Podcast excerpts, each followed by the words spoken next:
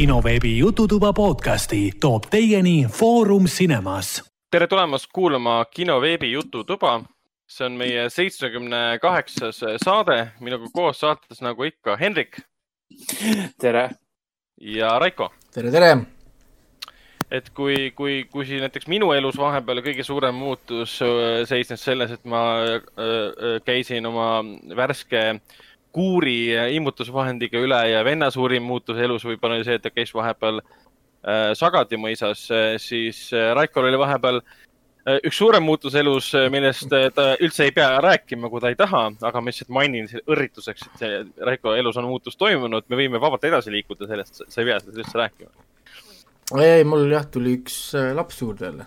kuigi mul sõber ütles selle, selle kohta hästi, et ma ütlesin talle, et äh, ma saatsin talle Facebookis teate, et näed, et beebi sündis, on ju, kolmas poeg, nelja, neljas laps siis tähendab. Yeah.. siis ta pani kõh, vaata vastu, nagu ka lihtsalt. Siis ma, siis ma helistasin talle õhtul, et kuule, et nagu noh, mis, mis, mis, mis kuradi ka vaata või noh, nagu mida see ka, ka tähendab, sa ütlesid, et kolm last või neli last on vahet seal olnud, et ta ei, noh, ta on juba nii palju õnne soovinud, et, et sellest peaks jaguma nüüd küll. et esi, esimese puhul on see, et issand, kui tore, teise puhul on issand, kui tore, kolmas ja neljas on juba nii, et ok, okei okay,, nagu ma saan aru, sul on lapsed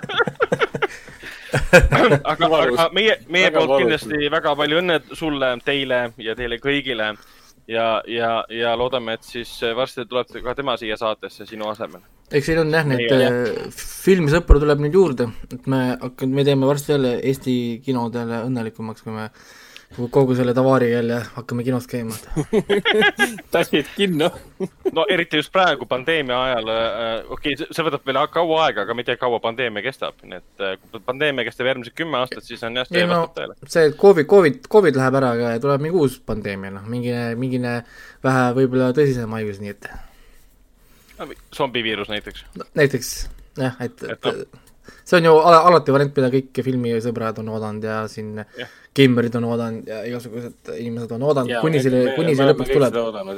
kuni see lõpuks reaalselt tuleb. Ja, ja, ja ma tahaks taha neid inimesi, kes ütlevad, et nad elavad mingi zombi äh, rünnakud üle, kui nad isegi maski endale ette ei pane, ei, ole nõus panema.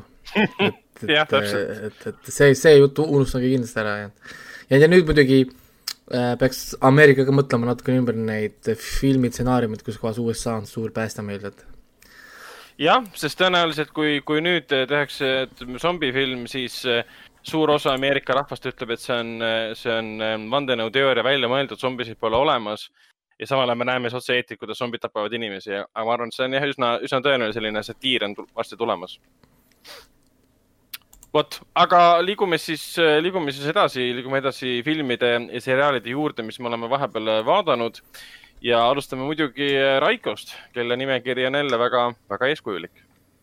küll jah, ma siin no, olen nüüd lapanud natukene siin, e-, eriti just seesama, et kui haiglas ootad või ootad siin beebit ja pidevalt on mingid niisugused edasi-tagasi, siis Netflix on väga suur sõber või noh, üldse ütleme, mitte Netflix, vaid ka teised streaming plat-, platvormid mm. -hmm.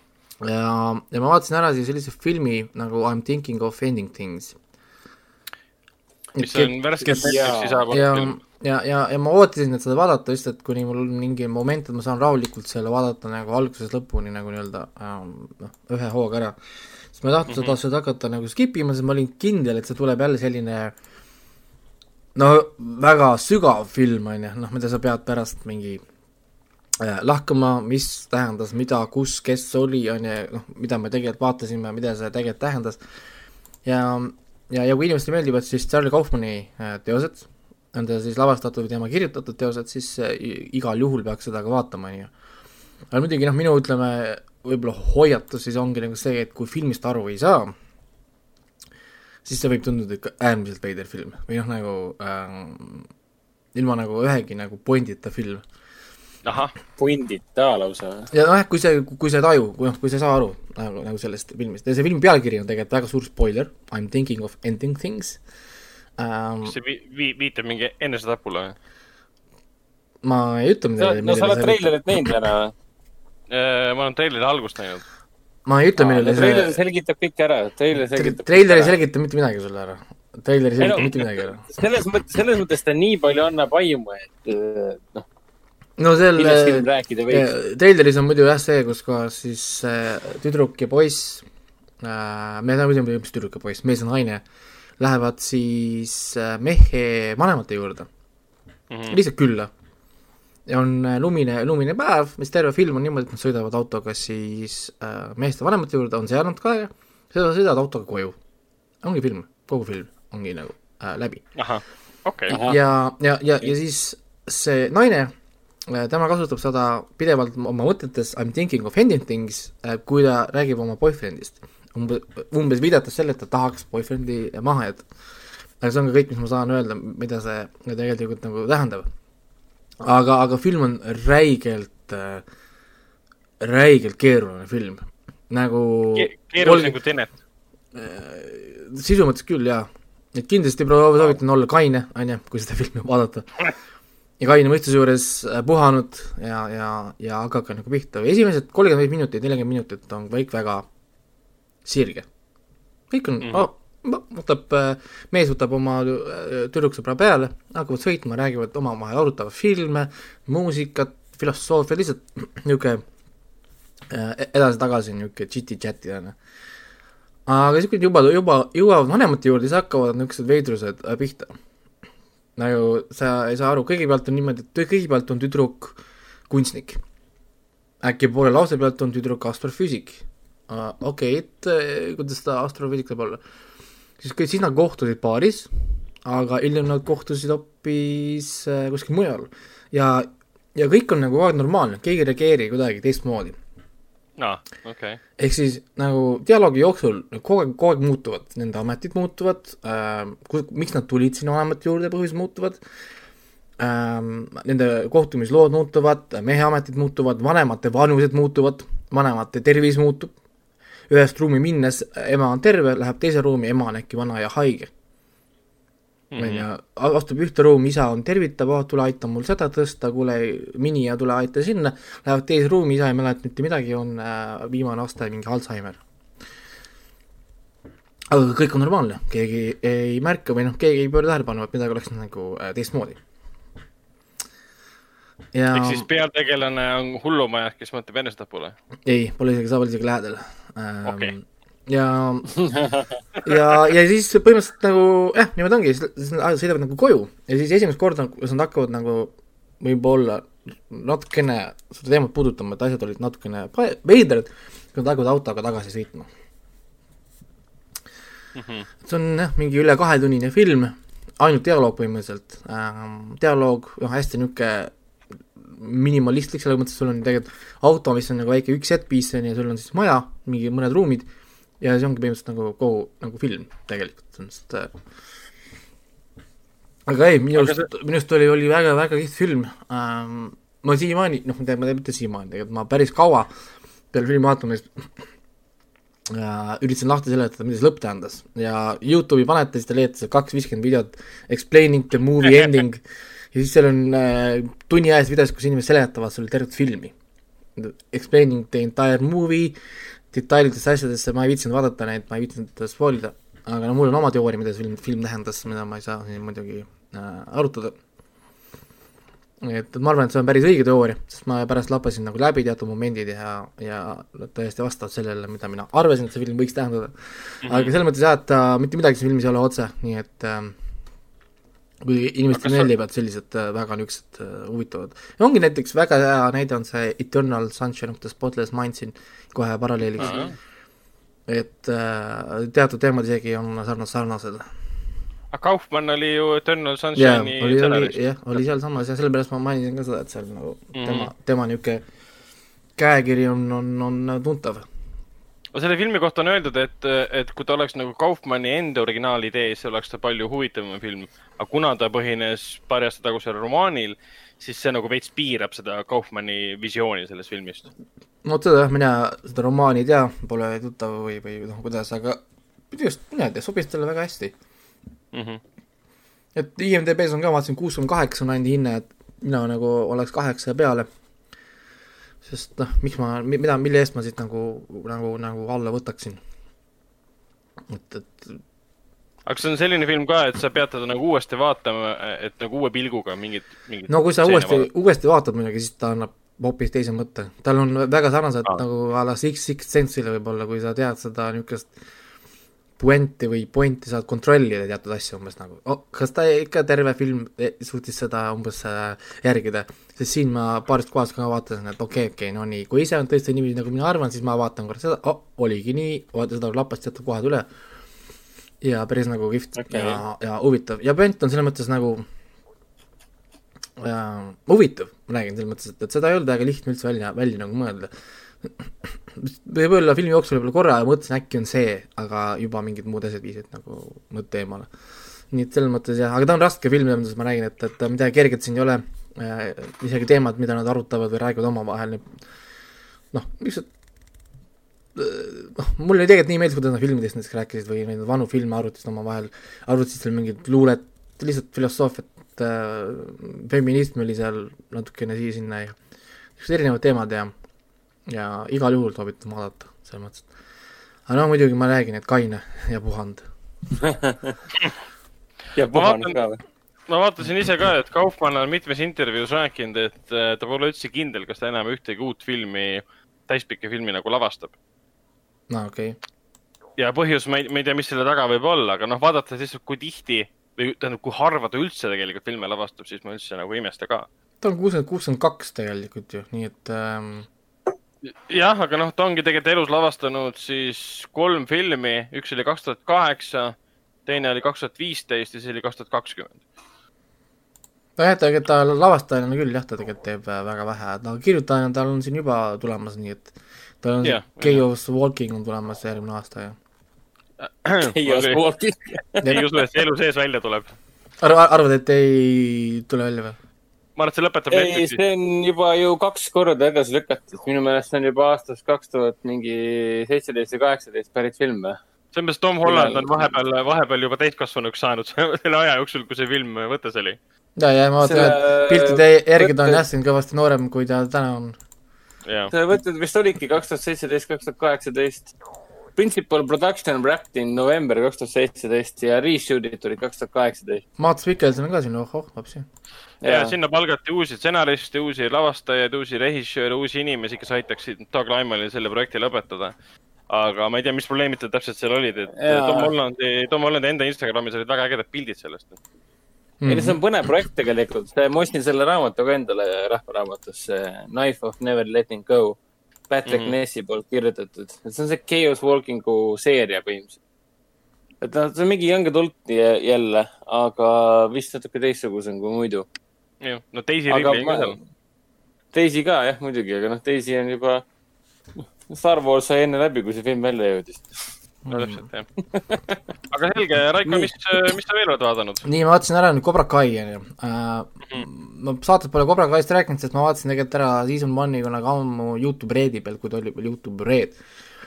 siis nüüd on ta Youtube Premium alt saad vaadata, mis on tegelikult nagu olemas ja nüüd ta tuli Netflixi, on ju, sest Netflix ostis selle nagu ära, sest Youtube mm -hmm. ise loovutas, loobus sest üllataval kombel oli see, et Youtube'i jaoks olid vaatajanumbrid liiga väikesed, ma korra mulli pärast mõtlesin, et mida see tähendab. aga Youtube ju näitab sulle ju äh, vaatajanumbrid, sa näed ju, palju on vaadatud seda, kui sa lähed Youtube'ist peale. Cobra Kai keskmine episoodi vaadatavus on üheksakümmend üks miljonit. ehk siis Cobra Kai vaadati Youtube'is keskmiselt rohkem kui, mis on rekord, on Netflixis. ja see oli liiga väike nende jaoks. Nende jaoks oli väike, sest, sest meil on mõtet, no sest need Youtube on kahe koma viie miljardi kasutajaga platvorm. Nii et äh, nemad nemad tahavad teistsuguseid numbreid saada. üheksakümmend miljonit on väike, veidi absurdne ei ole. natukene küll. nojah, aga neil on teised, teised numbrid ja küllap neil olid siis teised ideed, ma ei tea, selles mõttes, et noh, me peame alati vaatama selliseid ideid, see on nagu noh, Hiina kompaniidel on teised ootused nii külastajatele, vastavad vaatajatele no, või a la jah. Euroopa jah. kompaniidel, siis nendel on samamoodi, et, et noh, ei tea. Aga noh, Netflix ostis selle ära ja, ja kolmas hooaeg tuleb nüüd siis järgmine kevad vist oli või, kaks tuhat kakskümmend üks äkki või? ja aga, aga see sari on ikka jube hea, täiesti haige, kui hea see on. ja, ja, ja, ja ma alguses mõtlesin, et noh, et ma vaatan esimesed kaks episoodi ära, tuletan meelde, mis oli siis mingi hommikul kell kümme või, öö, öö läbi mingi sujuvalt mingi, oh kurat, kaks hooaega läbi või, holy, holy shit. päriselt või? nojah, siis ma ei saanud seda kinni panna. ja, ja, ja noh, IMDB keskmine hinne on kaheksa koma seitse on äh, Cobra Kai keskmine hinne. aga kas selle nautimiseks peab olema nagu mingit ei pea, nagu fänn, fänn ei pea olema, ei pea üldse Karate Kidi olema, nad teevad sulle piisavalt referentsi, et sa saad aru, mis siin nagu toimub Aa.. muidugi, kui sa oled vaadanud Karate Kid, just esimene, teine, kolmas pole üldse oluline, sest noh, kolmanda on te põhimõtteliselt ära unustanud, mis on äh, väga huvitav. et äh, et, et nad nagu, põhimõtteliselt nagu kolmas nagu natukene eksisteeriks, aga tegelikult nagu ei eksisteeri. Aga esimesed kaks filmi on, on, on olemas ja, ja siis tagasi on kõik nagu staarid, kes nagu olid, on ju, aga oluline on märkida, Cobra Kai ei ole nüüd siis selle Daniel LaRusso lugu, on ju, ehk siis see Ralph äh, Macchio vist oli ta, tema jaa, nagu oli küll. ei ole, ei ole nagu tema lugu, vaid see on nüüd siis see, tema see põhiline vaenlane siis esimesest Karate Kidi filmist, see Johnny. jah, Johnny jah. ja, ja keda mängis siis see William Sapka, see on nüüd tema lugu, ehk siis Cobra Kai on William Sapka äh, story. ja, antagonisti lugu. ja, ja tegevus ongi nüüd nagu ehk siis kolmkümmend viis aastat hiljem, mis on siis nagu saanud. ja, ja näiteks esimene episood ongi see, kus kohas siis seal Johni elu on äh, niisugune äh, igav, ta ärkab hommikul üles, ta elab üksinda mingis tühjas korteris, naine temaga ei räägi, laps ei taha tast midagi teada äh,, sõidab tööle, ta igal pool näeb Daniel Russo plakateid, sest Daniel Russol on business läheb, ta kuuleb ainult raadiost hääli, we are, chopping prices, siis ta näeb, näed, näeb tema auto dealership'e, on ju, tal on nii koblakas ees sellest äh, Daniel, Daniel Larussoni nimest kui ka Larfist, on ju. ja siis ta lastakse lahti töölt, sest hakkab ühele naisele vastu, sest äh, ühesõnaga ta paneb mingi teleka valesti, see naine ütleb, pane teise seina, ütleb, kurat, sa nii tahtsid siia seina, mind ei pane vaata, ühesõnaga. ja siis lastakse töölt lahti ähm,. ja, ja, ja siis põhimõtteliselt äh, lõpeb siis sellega, et äh, ta on siis kohalikus niisuguse nagu väikse toidu, toidupoe, või no ühesõnaga mingi kohalik toidupood, seal ees istub, sööb oma, oma viimase raha eest burgerit või midagi. ja siis ühed hakkavad kiusama, ühed noored hakkavad kiusama ühte poissi, Migueli. Mhm. ja, ja siis ta näeb, et nad noh, ühesõnaga kiusavad äh, nii kaua teda, kuni löövad selle Migueli vastu tema autot. tal on hästi uhke auto, mida ta hoolitseb ja hoiab, mingi vana sportauto, siis ta läheb tigedaks, kuulge, et äh, lõpetage see auto puutumine ära ja siis need poisid ütlevad, mida sa vana, vanamehe näss äh, prääksud ja ühesõnaga siis ta taob need kõik need poisid ära. teeb seal igasuguseid kikke ja pöördeid ja, ja karateed neile. Ja siis see Miguel Miguel on väga mingi, oo, õpeta mulle ka õpeta mulle ka, õpeta mulle ka, õpeta mulle ka, hakkab talle järgi käima. kuna tal tööd polegi, midagi nagu ei ole, siis ta otsustab, et ta avab, avab, avab uuesti siis selle kooli, see Cobra Kai, mis yeah., mis siis oli nii-öelda see, kus tema siis kunagi käis. ja, ja siis, kui Daniel Russo kuuleb muidugi sellest, et Cobra Kai on tagasi, tal on nagu what the fuck. miks see Cobra Kai tagasi on nagu ja, ja siis hakkabki nagu pihta, põhimõtteliselt iga episood on umbes pooleks tegelikult, ütleme, me saame pool Daniel Russo elu ja pool äh, siis Johni nagu lugu. ja, ja see on tegelikult hästi nagu, ma räägin, see on nii hästi tehtud, selles mõttes, et, et sa vaatad, see tõmbab sind nii nagu kaasa.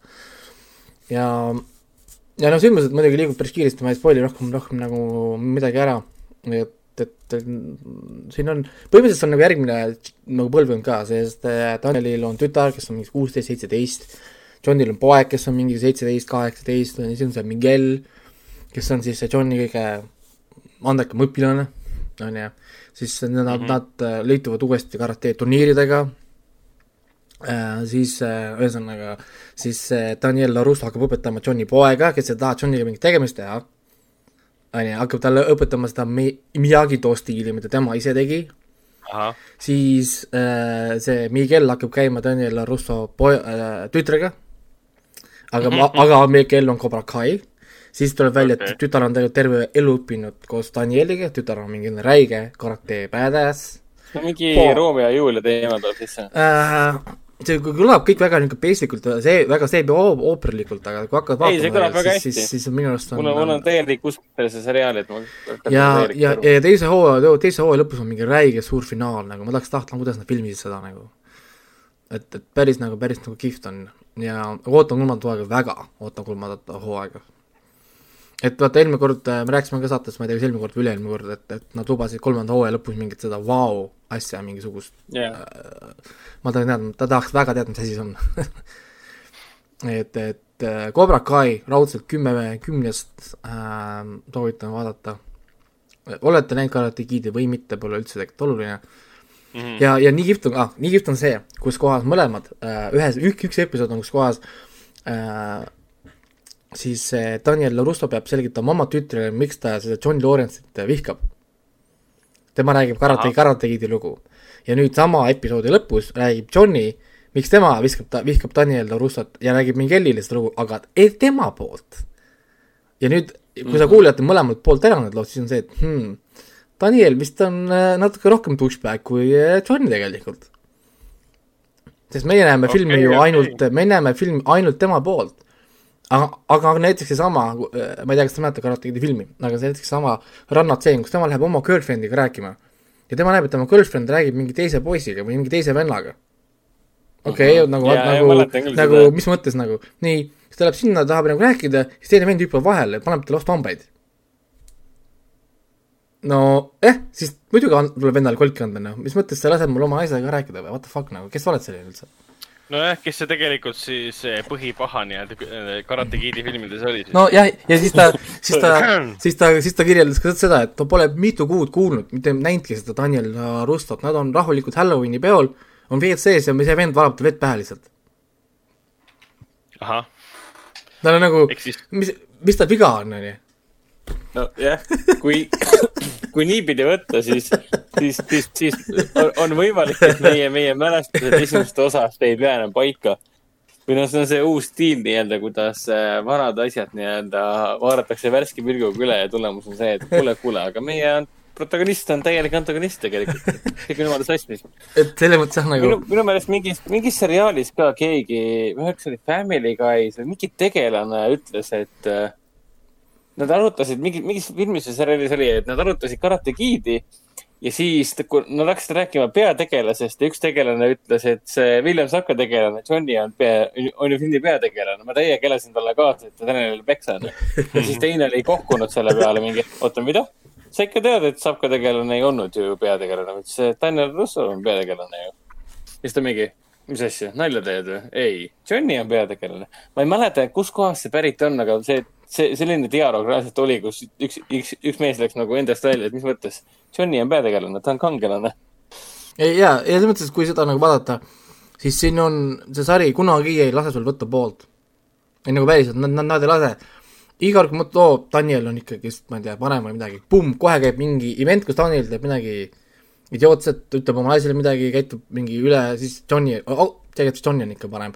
siis Johnny, ma ei tea, lööb oma oma pojale jalaga näkku või ma ei tea, käitub midagi väga kahtlaselt, siis on okei okay,, noh, ühesõnaga siin ei ole nagu, nad ei lase sul kordagi nagu nii-öelda mitte kumbki ei tõuse kunagi nagu umbes, et mingi pedestaali, nad on mõlemad lihtsalt mingid suva, kaks suvalist venda tegelikult, kes lihtsalt proovivad oma mingeid asju seal teha. oota, aga jalaga näkku oma pojale või, mis? ei, ta, ta ei löö oma pojale jalaga näkku. aa, okei okay., pettumus. jaa, lähme nüüd edasi.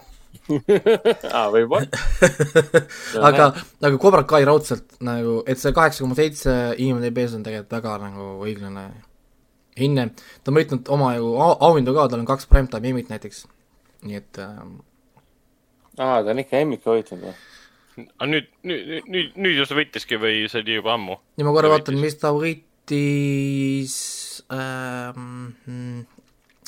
Primetime ole- Emmy'd on nomineeritud olnud küll, Mm -hmm. aga ta võitis, let's see, winner, millal ta siis sai selle võidu?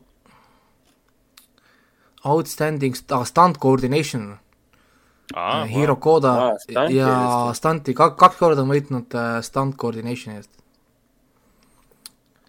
Emmid ikka teavad, keda nagu hinnata, et Oscarite peal siiamaani äh, kaskadööridega, trikkide tegijad. jaa, aga ikkagi, jaa, ei, nad teevad kõik ise oma asjad ära, jah, selles mõttes, et nii, nii see, nii Ralph Macho kui ka siis äh, meie, meie, meie Johnny näitleja äh,, nad teevad ise kõik oma seda kaskadöörid nagu trikid ise ka ikkagist, nad löögid, pöörded, asjad. selles mõttes jah, see ei ole mingi Jaapani või mingi räige peksufilm, kus kohas mingid eriti sirged löögid või mingi niisugune mingi väga ultra fancy, tavaliselt nagu tavainimene, kes oskab natukene kakelda, ütleme siis nii. mm. -hmm. Ja siis ma vaatasin ära kolm uut äh, animet Netflixis Nonii, äh,. siia tuli kolm tükki tuli, tuli Indun Chronicles või siis tegelikult on äh,, vist oli see Memoirs of Indun, vist on see prantsuskeelne originaal pealkiri, mis on millegipärast tehtud prantslaste poolt, nagu ma saan aru äh,. siis vaatasin ära Close Enough ja siis Dragon's Dogma. Jaa, see tuli jah välja.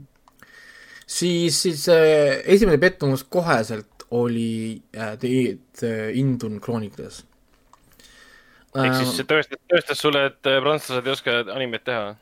Äh, ta, selles mõttes ta nägi välja nagu küll Jaapani anime stiil äh,, väga niisugune ilus, aga näiteks kohe, kui tuli action stseen või tuli teatud noh, see mingi maagiatseenid, siis niisugune hästi konarlik ja, ja, ja, ja nad ei teinud isegi mitte a la teisel animatsiooni, nagu tavaliselt tehakse Jaapanis, on ju, vaid nad tegid kolmandal-neljandal, ehk siis ma räägin praegu frame, nagu, nagu ka- kaadritest, millal siis tehakse yeah. siis uus, uus animatsioon. see oli, ma pakun võib-olla isegi neljas-viies oli neil vahepeal. ehk siis me saame sekundis võib-olla ainult mingi kuus äh, kaadrit võib-olla tegelikult mm. -hmm. ja, ja, ja see oli muidugi teine, teiseks äh, järgmine mure oli see, et oli ainult viis episoodi, viis kahekümne viie minutilist episoodi. sa ei jõua sellega lugu rääkida, sorry noh, nagu ja, ja ei, ei jõudnudki või? ja ei jõudnudki. ja, ja teiseks see oli igav. nagu päriselt nagu igav, karakterid olid nagu ilma nagu eesmärgita, peategelane saab surma siin, mul ma suva, et ma spoilin, on ju, mul oli täiesti, mul oli, mul oli täiesti ükskõik. reaalselt oli mul, mul oli, mul oli täiesti ükskõik. Ma vaatasin, et sul oli isegi nii ükskõik, et sulle tundus, et, et hispaania keel ja prantsuse keel, siis ma vaatasin, et see seriaal on ikkagi Hispaania oma, mitte Prantsuse oma. aa, mina ei tea, vot jah, mina ei saanud sellest arugi. okei okay,, ma vaatasin ka kasutajate arv- arvamusi ka, et äh, kõik äh, ühtivad sinu omaga enam-vähem. selles mõttes, et ta oli nagu kuiv, ta oli mulje, et nad nagu kopeerisid äh, midagi, kedagi kuskil, aga nagu noh, lihtsalt kõik oli nagu puudu. On ju, põhimõtteliselt okei okay,, põhimõtteliselt story on selline, et äh, Jack, ma ei tea, miks see nimi Jack on, on ju, Jack on üldse nii tobe nimi äh,. Jack tuleb koju, ta näeb, et tema kodus on mingisugused kaks meest või noh, üks on poiss, üks on mees. ema on surnud, isa on surnud ja kõik tulistab tema poole mingi, mingisuguse maagiapalli või mingisuguse ma ei tea, mingi plasmapall või ühesõnaga mingisugune maagiline pall lendab tema poole, siis hüppab kuskilt telepordib tema ette mingi keegi kolmas, kaitseb teda selle eest, tulistab teda vastu, siis tuleb keegi neljas kuskilt seinte seest, siis käib mingisugune lahing, siis võetakse tema teda kaasa ja ta teleporditakse teise maailma.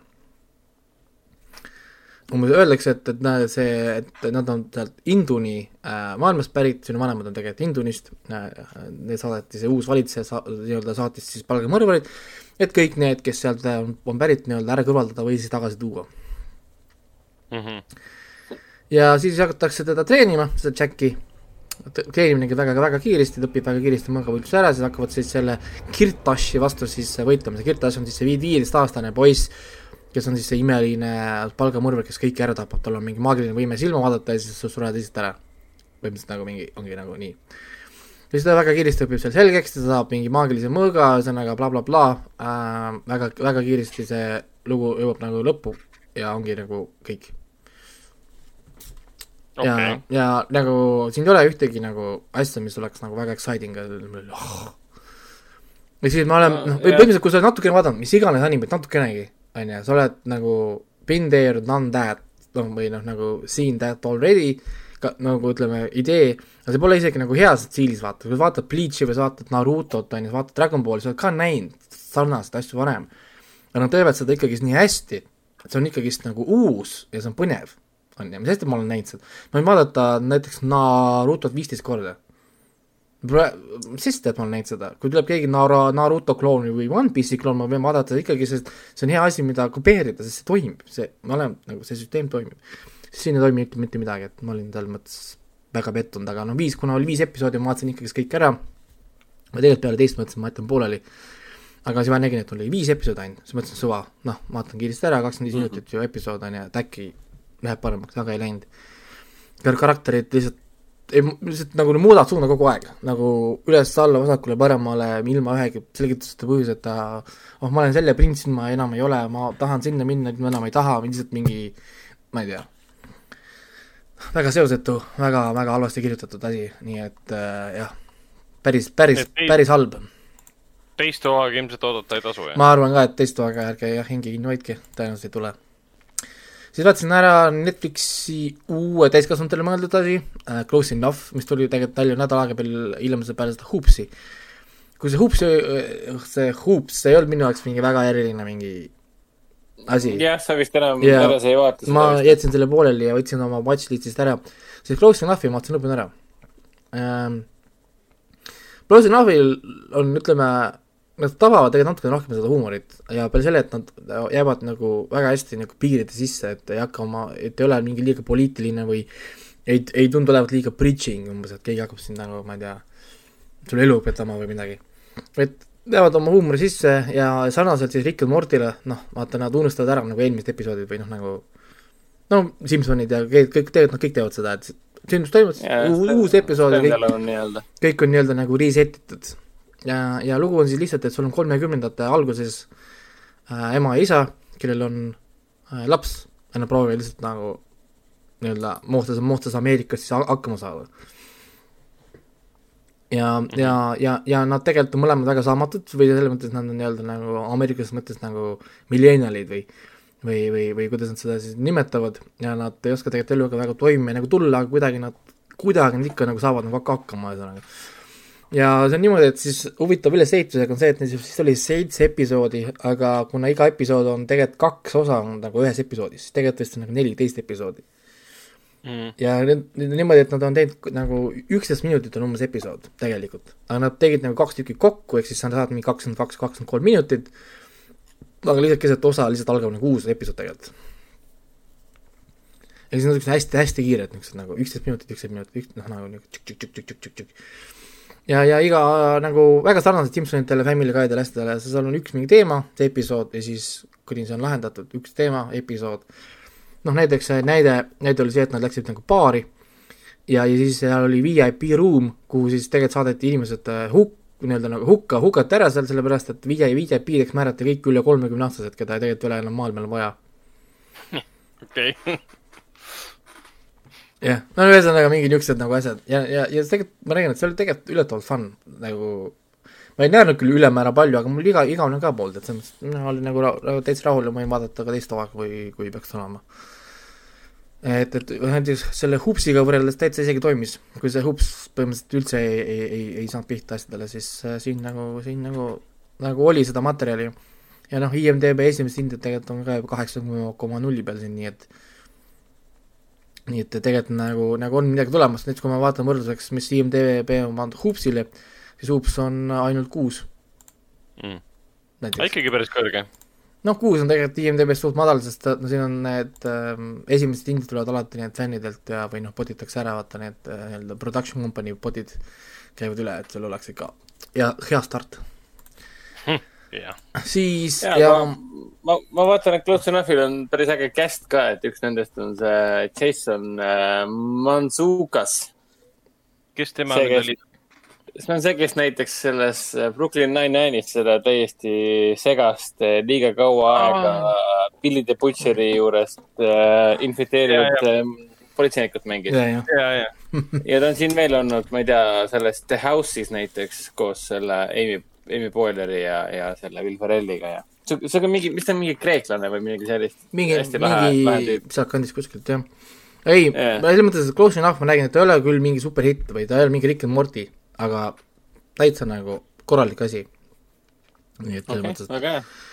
ja siis muidugi nüüd kõige olulisem anime, mida ma ootasin ja vaatasin kuupäeva. Dragon's Dogma, samad tegijad, kes tegid Castlevania ja oi nad oskavad, oi nad oskavad teha, oi nad oskavad teha animatsioone, noh. ja, ja tundub, et Netflix on leidnud mingi väga hea niši endale, sest äh, nad võtavad videomängust, teevad animed nagu. Ja, ja, ja see tundub toimivat, sest Castlevania läks neil nagu üllatavalt hästi, onju, ma saan aru, kui nad Castlevaniat alustasid, siis nad tegelikult ei oodanud, et neil on niisugune vastuvõtt, neil on niisugune edu. ja, Siis- nad olid üsna kahe vahel sellega jah, ja, ja siis, siis nüüd nad äh, võtsid ühe põhim-, põhimõtteliselt suvalise videomängu, mis oli siis Capcomi PlayStation kolme peal ja Xbox siis kolmsada kuuskümmend, Dragon's Dogma. onju, suht random videomäng täielikult, onju, me tegelikult kõik, täna ootame, suured videomängijad ootavad Dragon's Dogma kak-, kaks äh, suurt reveal'i, aga Capcom tõen- tõenäoliselt meile seda ei anna, onju. või siis äkki annab, sest Aga- et, et miks siis Netflix tegi äkki Dragon's Dogma, onju. no ongi, et see ei ole ju tuntud see pole isegi seeria, videomänguseeria. ei, ei ta ei ole, ta on lihtsalt üks mäng, mille Capcom, Capcom kunagi tegi äh,. sel ajal, kui ta tuli ta tuli välja väga halval ajal, ta tuli välja hittmängude keskel, inimesed magasid selle maha põhimõtteliselt.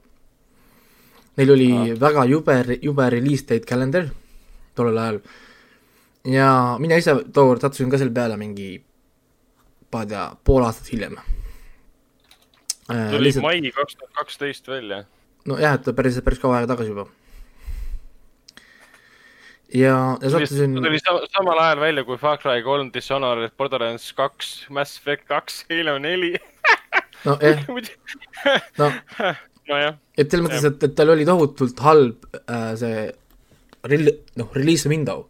ja kuna sul oli uus IP ka, ju, siis ma räägin, sul oli see Borderlandsis, Far Cry'd äh,, Halod, mida inimesed juba teadsid, niikuinii ostavad. siis kui sa need kolm mängu on ees, siis selleks ajaks, kui sa need mängud lõpetad, on juba mingi uus mäng, mis sul tuleb, ehk siis sa lähed tagasi, mis asi see Dragon's, mis see whatever on ju oli. siis mul oli enda samamoodi, ma mängisin seda pool aastat hiljem, ei olnud väga impressed ka mänguga tegelikult äh,, ma ütlen ausalt, et äh, no mänguna ta veitsa venis, on ju äh,, rollimängu elemendid olid liiga li- lihtsustatud, seal olid teatud niisugused asjad, mis, mis mind äh, lükkas kõrvale, ma jätsin mängu pooleli toorelt.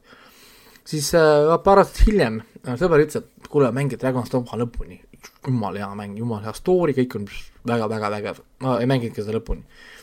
ja siis äh, Margus ütles mulle alles hiljuti, mingi kaks aastat tagasi, kui kuulutati välja see Dragon's Dogma remake või see, mitte remake, vaid remaster tuli välja mm. -hmm. et, et umbes, see et et, et äh, noh, sobib ja võiks nagu olla ja värki. siis, siis ma nagu mõtlesin selle peale mängida, ikka ei mänginud läbi.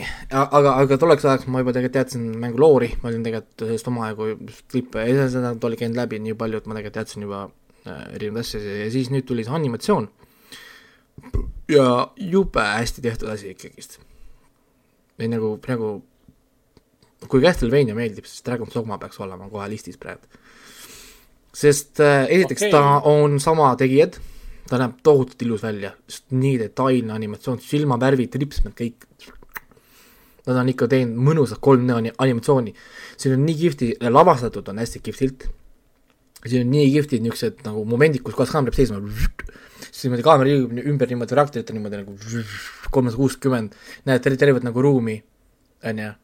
Need sisse-välja suumimised, siin on, see on muidugi täiskasvanutele animatsioon, tohutult palju seksi on seal äh, nagu ikka väga palju seksi ähm,. alastust, värki, nii et äh, jah, et sa-, sarnane jälle, Castlevaniale, ehk siis selles mõttes et ei tasu vaadata võib-olla lastega koos, et oh, näe, mingi lahe draakonitega multikas on ju. ma olen kutsun, kutsun kohe kõik. Ja- okei, ma ei lõpeta seda lauset ära praegu. ja samuti äh, verine, on ju, tohutult äh, lõigatakse üksteist seal äh,, veri, veristatakse. Ja põhimõtteliselt lugu on siis niimoodi, et äh, issand, kui ma saaks selle peategelase nime nüüd meenutada, ma kohe ütlen sulle. Ethan, vot jah, Ethan ähm,. Ethan on siis äh, põhimõtteliselt elab külas väikest rahulikku elu, kalurite külas. elas lapsepõlves üle ühe traagilise sündmuse, elab seal oma naisega, kes on rase, ootab siis äh, last ja ja, ja siis äh, on siis ühel päeval koos küla ühe, koos ühe külapoisiga jahil, kui kohtavad siis sõdureid, on ju, sõdurid natukene ahistavad neid, aga põhimõtteliselt lepivad ära, saavad nagu omavahel rääkima ja siis küsivad, miks te üldse olete siin külas või noh, tähendab, miks on igas külas sõdurid, elavad nagu sõdurid nendega koos, ah me kaitseme teid draakonite eest. aga ilm on see, et aga me keegi pole draakonit näinud sadu aastaid. sest te üldse teate, et draakonid, draakonid on, on olemas või? aga noh, meie ei ole kindlad, kas on või mitte, aga me, me peame ikka olema valmis, sest meil on sellised käsud on ju umbes vaata. ja, ja üllatus-üllatus äh,, sama päeva õhtul äh, väga efektirohke entrance või noh, nagu äh, esitlus saabub draakon. ja muidugi, kui nad draakonid muidugi kohtavad, siis nagu see, tsiteerin ühte sõd- sõdurit, isegi kui mul oleks terve kuningriigi armee siin, me ei teeks talle mitte kui midagi sellele draakonile Nojah. draakon hävitab selle küla täielikult, lihtsalt konkreetselt äh, nullib, otsib üles iga kui viimse inimese, ta käib rusude vahet, nuusutab kõik välja, et iga kui viimne inimene oleks surnud, mitte jumala eest keegi jääks ellu. see on päris äh, räige tegelikult. mõtlete, et draakonid ei huvita vaata umbes, kas inimene jääb ellu või mitte, ta maandub, ta kontrollib, kõik käib läbi. et ei oleks ühte, ühtegi tapab, äh, et ei oleks. tapab selleks, et tappa või selleks, et toituda või, või? sa pead, seda pead vaatama nüüd, miks ta, miks ta tapab. okei, nii, siis ta näeb seda Ethanit tunneb, et Ethan vihkab teda üle, üle kõige, sest äh, Ethani naist enam of course ei ole. Ethani äh, sündimata beebit enam ei ole, sest äh, draakon väga sihi, tema silme ees väga konkreetselt äh, hukkab siis ära. Tema äh, pere nii-öelda. Ähm, ja vaatab siis Ethanit, küsib siis Ethani käest, et äh, kas sa vihkad mind üle, üle kõige, kas sa vihkad mind rohkem, kui sa armastad oma elu? ja mm, -hmm. ja, ja siis Ethan ei vasta midagi muud, vaid vaatab ta silma ja ütleb, et ma tapan, tapan, tapan su ära, draakon, on ju. ja siis draakon lõikab ta südame välja, aga Ethan jääb ellu, ilma südameta, ja siis Ethanist saab selline legendaarne olend, mitte olend, aga ütleme, legendaarne mü-, mü-, mütoloogiline tuntud tegelane, kelle nimi on Ryzen ehk siis inimene, kes äh, ei vaja eluks südant, vaid tema viha äh, või kättemaksu on suurem kui äh, tema vajadus südame järele. ja ainuke eesmärk on see draakon nagu tappa. ja, ja see suur viha ja äh, Ryzen tõuseb, ta tõmbab kohe endale ligi äh, teise äh, maagilise olendi, mille nimi on Pawn, kes on siis nagu ideaalne inimene, aga pole tegelikult inimene mm. -hmm. ja siis nemad kahekesi lähevad siis äh, teekonnale, et see draakon tappa. sul on seitse episoodi, iga episoodi nimi on siis üks patt, ma ei tea, seitsmest patust. sul on Creed äh,, Lust, on ju, whatever. ja põhimõtteliselt lugu on niimoodi, et Ethan liigub ja igas episoodis ta kohtab ühte inimkonna kõige hullemat pattu. et äh, ja, ja meie siis näeme, kuidas see igal, kui ta inimesi kohtab, on ju, see inimkonna see, inimeste see nagu see must pool või see tume pool, mis inimestel on, iga episood veenab teda üha enam, et inimesi ei peaks tegelikult päästma. on ju. Mhm., et, et äh, alguses me näeme, kuidas ta tahab päästa, ta kuuleb naiste appikarje, et me jookseme, lähme päästame ära, on ju, naised ja, ja, ja ühesõnaga, ja siis lõpuks, kui me jõuame sinna kuuendasse episoodi või, kui, või kuskile inimesed surevad, tal on, vaatab oma, aga mis see minu probleem? on on ju, ja siis on muidugi suur suur, suur finaal äh,, lahing, nende suur dialoog draakoniga lõpuks, kui ta lõpuks draakoniga kohtub, siis mulle meeldib see draakoni esimene küs-, küs-, küs-, küsimus ta käest. seda ma ei spoil'i teile. Jah ähm, suur finaal, ootamatu lõpp ja, ja väga-väga fancy animatsioon. ei no ma hakkan seda kindlasti vaatama, sest noh, vaada, vaada, vaadake, Castlevania sain läbi ja vaadake treilerit juba näiteks vaadake treilerit näiteks. treilerit ma vaatasin ja mulle see täitsa nagu meeldis, aga samas, kuna see pealkiri äh, tuletas mulle meelde seda samust äh, kunagist mängu, mida ma mänginud pole, siis ma veits guugeldasin, mis, miks ta just sellest mängust, et kas mina olen ainuke, kes seda mänguseeriat ei tea. siis vaatasingi, et noh, jah, et kuidagi see seos selle mänguga nagu tekitas tunde, et ah, miks ma peaksin seda vaatama, et nagu, ma ei tea, mingi fännifilm või- või fänniseriaal või, või et mis yeah. asja nagu. aga ei, see sobiks väga hästi selles mõttes animatsiooniks, et väga hea teema. ja, ja jah, nii et äh, andke ka minna.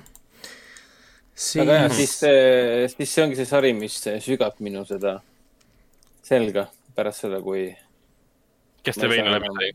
jah, täpselt. jah, ja ta on seitse episoodi ka, tal on erinevate pikkusega osad olid, mõni kakskümmend viis kuni mingi nelikümmend minutit vist oli või äkki episoodid. Neid ei olnud päris äh, kõik võrdselt, võrdselt äh, jaotatud või, maksimaalselt oli kolmkümmend kaks või kolmkümmend kaks, okei okay.. ja minimaalselt vist on üheksateist. jah, need ei ole päris võrdselt, sest teemad on erinevad osad teemad on natukene pikemalt, siis mõni on natuke nagu lühemalt. Et äh, jah, et väga, väga hea asi, ma olen väga rahul äh,, teist hooaega ma ei tea, kas saab üldse tullagi, sest see on tegelikult äh, nagu full story. aga muidugi ajastus on huvitav, sest inimesed on siin tegelikult kuulujutudena rääkinud, et me ootame Dragon's Dogma kaks suurt reveal'i siis oleks väga huvitav, et Capcom ajastas Netflixiga koostöös samal ajal ka äh, nii-öelda Dragon's Dogma animatsiooni, et tõsta see nimi tagasi nii-öelda mainstream'i, Mm. et inimesed räägiksid nimest, et kuulutada välja siis teine osa. noh, see kõik tundub olevat osa plaanist, et sa saad välja siis seriaali, millest teed teise hooaja, samal ajal hakkab uus mäng välja tulema ja kõik see. ja siin oli, minu arust siin oli, no ütleme, Dragon Dogmas on nii palju häid äh, tsitaate ka nagu, tahaks mõnda öelda, aga ma ei saa, tohi spoil ida. nii, nii mõnusaid tsitaate, mille noh, mis on lihtsalt nagu awesome, nagu svä-, svä-, on nii palju lihtsalt.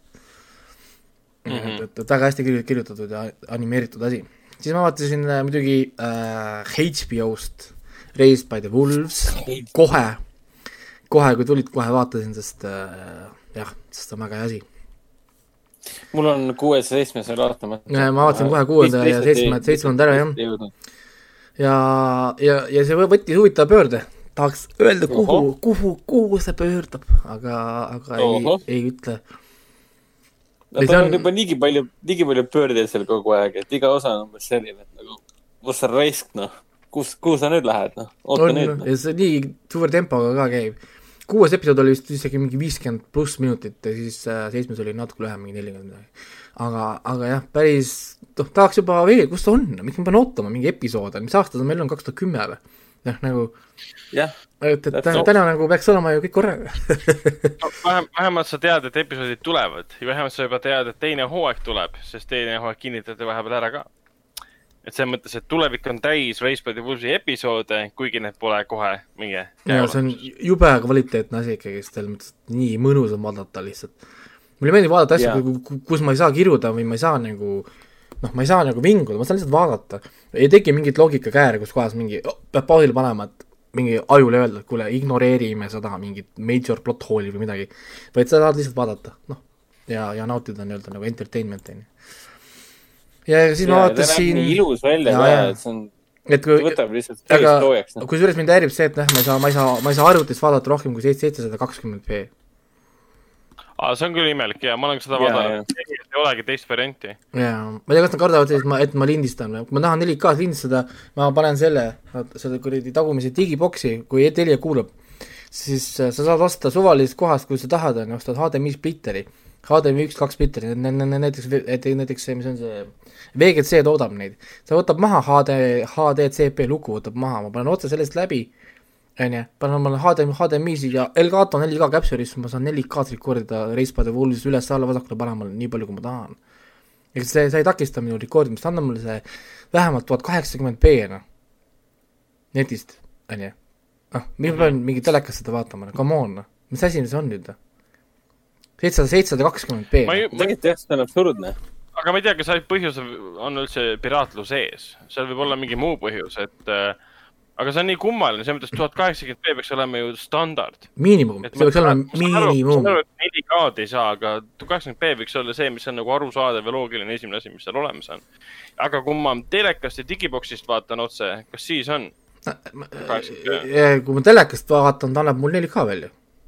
aa, okei okay,, no vot, aga net, netis ei aga, aga muidugi kahjuks on mul on nüüd see, et noh, mul on nagu see, et ma ei saa lugeda piksleid, ma selleks ma peaksin sedasama tegema, mis ma just kirjeldasin, et kasutades pixel counter'it, et ütleks mulle, palju see tegelik resolutsioon on.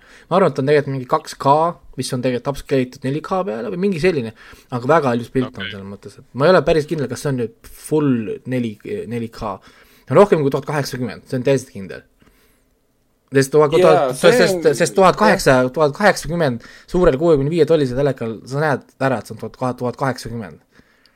et no mingi, ma pakun mingi kaks, mingi kaks K upscale itud, vahet pole, ta on igal juhul päris hea kvaliteet, et on oh,. jah, sest igal juhul ma lõin ka praegu selle ühe episoodi lahti siit läbi brauseri ja sa vaatad, et see pilt on tegelikult puhas as fuck nagu, ta on nagu üliilus pilt tegelikult. et ma ei saagi aru, et see ei ole nagu mingisugune, ei nojah, see, see, millest me rääkisime, et bitrate on kõrgem. jah, ma kahjuks ei saa piksleid, piksleid niimoodi lugeda, ma ei, ma õigem, õigem, õigemini öeldes ma ei viitsi, sest mul ei ole mingit põhjust seda lugeda. et videomängudega ma vahepeal teen seda, et ma loen nii-öelda pikslid kokku, et saada teada, mis see tegelik resolutsioon on. no see päris resolutsioon, mitte see, mis telekas näitab, vaid see päris nii-öelda enne, kui hakatakse upscale ima, siis äh, seal ma ei viitsi, viitsi, viitsi seda teha. nojah, aga see on ikkagi nagu selles mõttes kohutavalt nõme, et ma ei taha, miks ma pean minema teleka juurde, kus mul on digiboks, et sealt vaadata seriaali, kui ma tahan seda vaadata 4K kuvarilt äh, arvuti taga brauserist ja ma ei saa. ma pean jah. vaatama B-d, see on no, nagu, Nad tahavad müüa sulle oma lisas, lisaseadmeid, kas müüa või rentida no. siis ja see võib olla mingis nende tehnoloogias või, või. aga aa, ei, kusjuures äh, täpselt sama asi on Apple TV-ga, kui sa tegelikult mainid seda. brauseris ma näen ainult seitsesada kakskümmend, aga kui ma Ja vaatan telek telekast, ma näen ilus otse full 4K, mitte nüüd upscale itud, see on puhas 4K. jube okay., jube ilus terav, terav pilt on. aga kõik muu nagu Amazon Prime video ja Netflix on näiteks niimoodi, et ta Netflix näitab 4K-d kui, kui, kui sa tahad. Amazonis samamoodi, kui sa ostad selle kallima versiooni, mis iganes, siis saad sinna põhja panna. ja siis ole mingit need ta näitab jah, need, nemad näitavad. Võib-olla teised jõuavad ka järgi või, samas nad ei müü ka eraldi seadmeid ju, Netflix äh, äh, Prime video ei müü oma eraldi äh, seadmeid, kus vaadata. sa võid vaadata Netflixi mis iganes seadmega, suvaline seade, ta on igas võimalikus masinas olemas. Amazonil oli vahepeal see mingi Amazon Fire TV something. issand, ma ei tea jah. mul mingid see vanad mingid Android TV-d veel on, aga need on jube aeglased ja jamad, et ma kasutan nüüd iseenda Apple TV-d, sest see on päris convenient. no jah, täpselt. jah, siis äh, nüüd ma olen palju ehitanud jälle nagu ikka äh,, enamus päevad ma praegu vedan siin ainult äh, ehitades ja ropendades, siis okei, äh, olen ka vaadanud siis või noh, vaadanud, kuulanud ähm, kolm stand-up'i. siis esimene on kohe Michael McIntyre Showman, kes ei tea, siis Michael McIntyre on UK üks siis kuulus komik. mina tegelikult sain teda teadma, et ta on sellele, et, et Britain's Got Talent vist oli kohtunik vahepeal siis ma noh, pidin lihtsalt uurisin välja, kes ta on ja tuli välja, et ta oli koomik, siis ma vaatasin ta paari show'd kunagi, tundus täitsa okei okay., niisugune keskmine, ütleme nii. et sa naerad niisugune kolmkümmend, nelikümmend protsenti naerad, ülejäänud on niisugune noh, mitte, mitte nagu väga halb ja ütleme parasjagu niimoodi, et ütleme kui ta tuleks Eestisse, ma võib-olla isegi ostaks mingi kahekümne eurose pileti, on ju. Mhm. et äh, täitsa okei okay oli ja täpselt nii läks ka see Showman, et äh, noh, kurb on muidugi jälle see, et tuleb mingi suvaline meeskoomik ja meeskoomik räägib põhimõtteliselt terve oma show ainult oma perest, oma naisest, perest, tavalisest igapäevaelust ja tütardest ja asjadest ja siis vaat-, üritad naiskoomik vaadata ja hakkab pihta mingi jura jälle, noh nagu, et miks sa lihtsalt ei räägi tavalistest igapäevastest asjadest, on kõik, noh nagu tegelikult, mida, mida sul tegelikult on nagu vaja. ja muidugi, ega ta ei räägigi, põhimõtteliselt terve tund aega peale ta räägib lihtsalt äh, vanane, vananemisest, kuidas siis vananemine talle mõjub Mhm. Öö- öö- öösiti pissil käimisest, tal on terve pikk, see, see, pikk osa sellest, kuidas on öösiti pissil, pissil käimine. kuidas ta on, naine on sõltuvuses kingade ostmisest. et ei tohi naist öösel üles äratada, kui vetsu läheb, sest kui naine ärkab öösel üles, ta hakkab igav, võtab telefoni ja hakkab ostma kingi. ehk siis ta, ta, ta, kui naine ärkab üles, siis öine vetsus käimine läheb, läheb maksma umbes kuussada naela. okei, noh, nagu ja, ja, ja niisugused nagu väga niisugused äh, lihtsad relatable äh, naljad on ju äh,, et, et kõik saavad tegelikult ju noh, nagu aru ja, ja ütleme, pole midagi nagu keerulist. siis äh, ma olin nagu rahul, aga need kolmest, mis ma vaatasin, ta oli kõige nõrgem tegelikult Mhm. äh,. siis järgmisena vaatasin äh, Colin Quinn, Red State and Blue State. mul pole õrna aimu, kes on Colin Quinn, ma pole teda guugeldanud ka, ma lihtsalt ei tea, kes ta on, esimest korda nägin, kuulsin seda nime selle Netflixi spetsialiga. Aga mulle väga meeldis tema see äh, stand-up. aga mulle meeldis see, kusjuures mulle meeldis see isegi mitte sellisel põhjusel, et see oli nagu naljakas, mulle meeldis sel põhjusel, et see oli lihtsalt hea kuulata, tal oli väga selline TED-talkilik, podcast'ilik äh, entertainment value. ja ta räägibki mm -hmm. Red State ja Blue State, ehk siis tema terve etteaasta algab sellega, ta astub saali, mis on rahvast täis, alustabki jutuga, et meie, ameeriklased, oleme juhtunud, jõudnud situatsiooni, kus me mitte ainult ei ole maailma parimaid, vaid me oleme ääre peal, kas meil üldse enam on vaja ka meie enda jaoks. ja hakkab siis põhimõtteliselt pikk tund peale nagu huumoriga, noh, ta, ta on ikka stand-up selles mõttes nagu, aga põhimõtteliselt nagu ei ole ka nagu tegelikult stand-up. ja, ja meenutab, kui nagu, nagu kunagi Daily Show oli enne, kui tuli see Trevor Noah.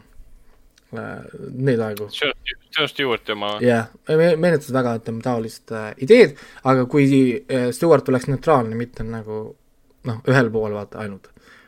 ja, ja ta hoidis väga hästi seda neutraalset nii-öelda nagu joont, et iga, iga kord, kui ta tegi nalja mine nii-öelda vabariiklase suunas, siis ta koheselt sama situatsioon, sama nali ka demokraatidele või noh, nagu niisugune nagu li-, liberaalid, demokraadid, vabariiklased ja nii edasi.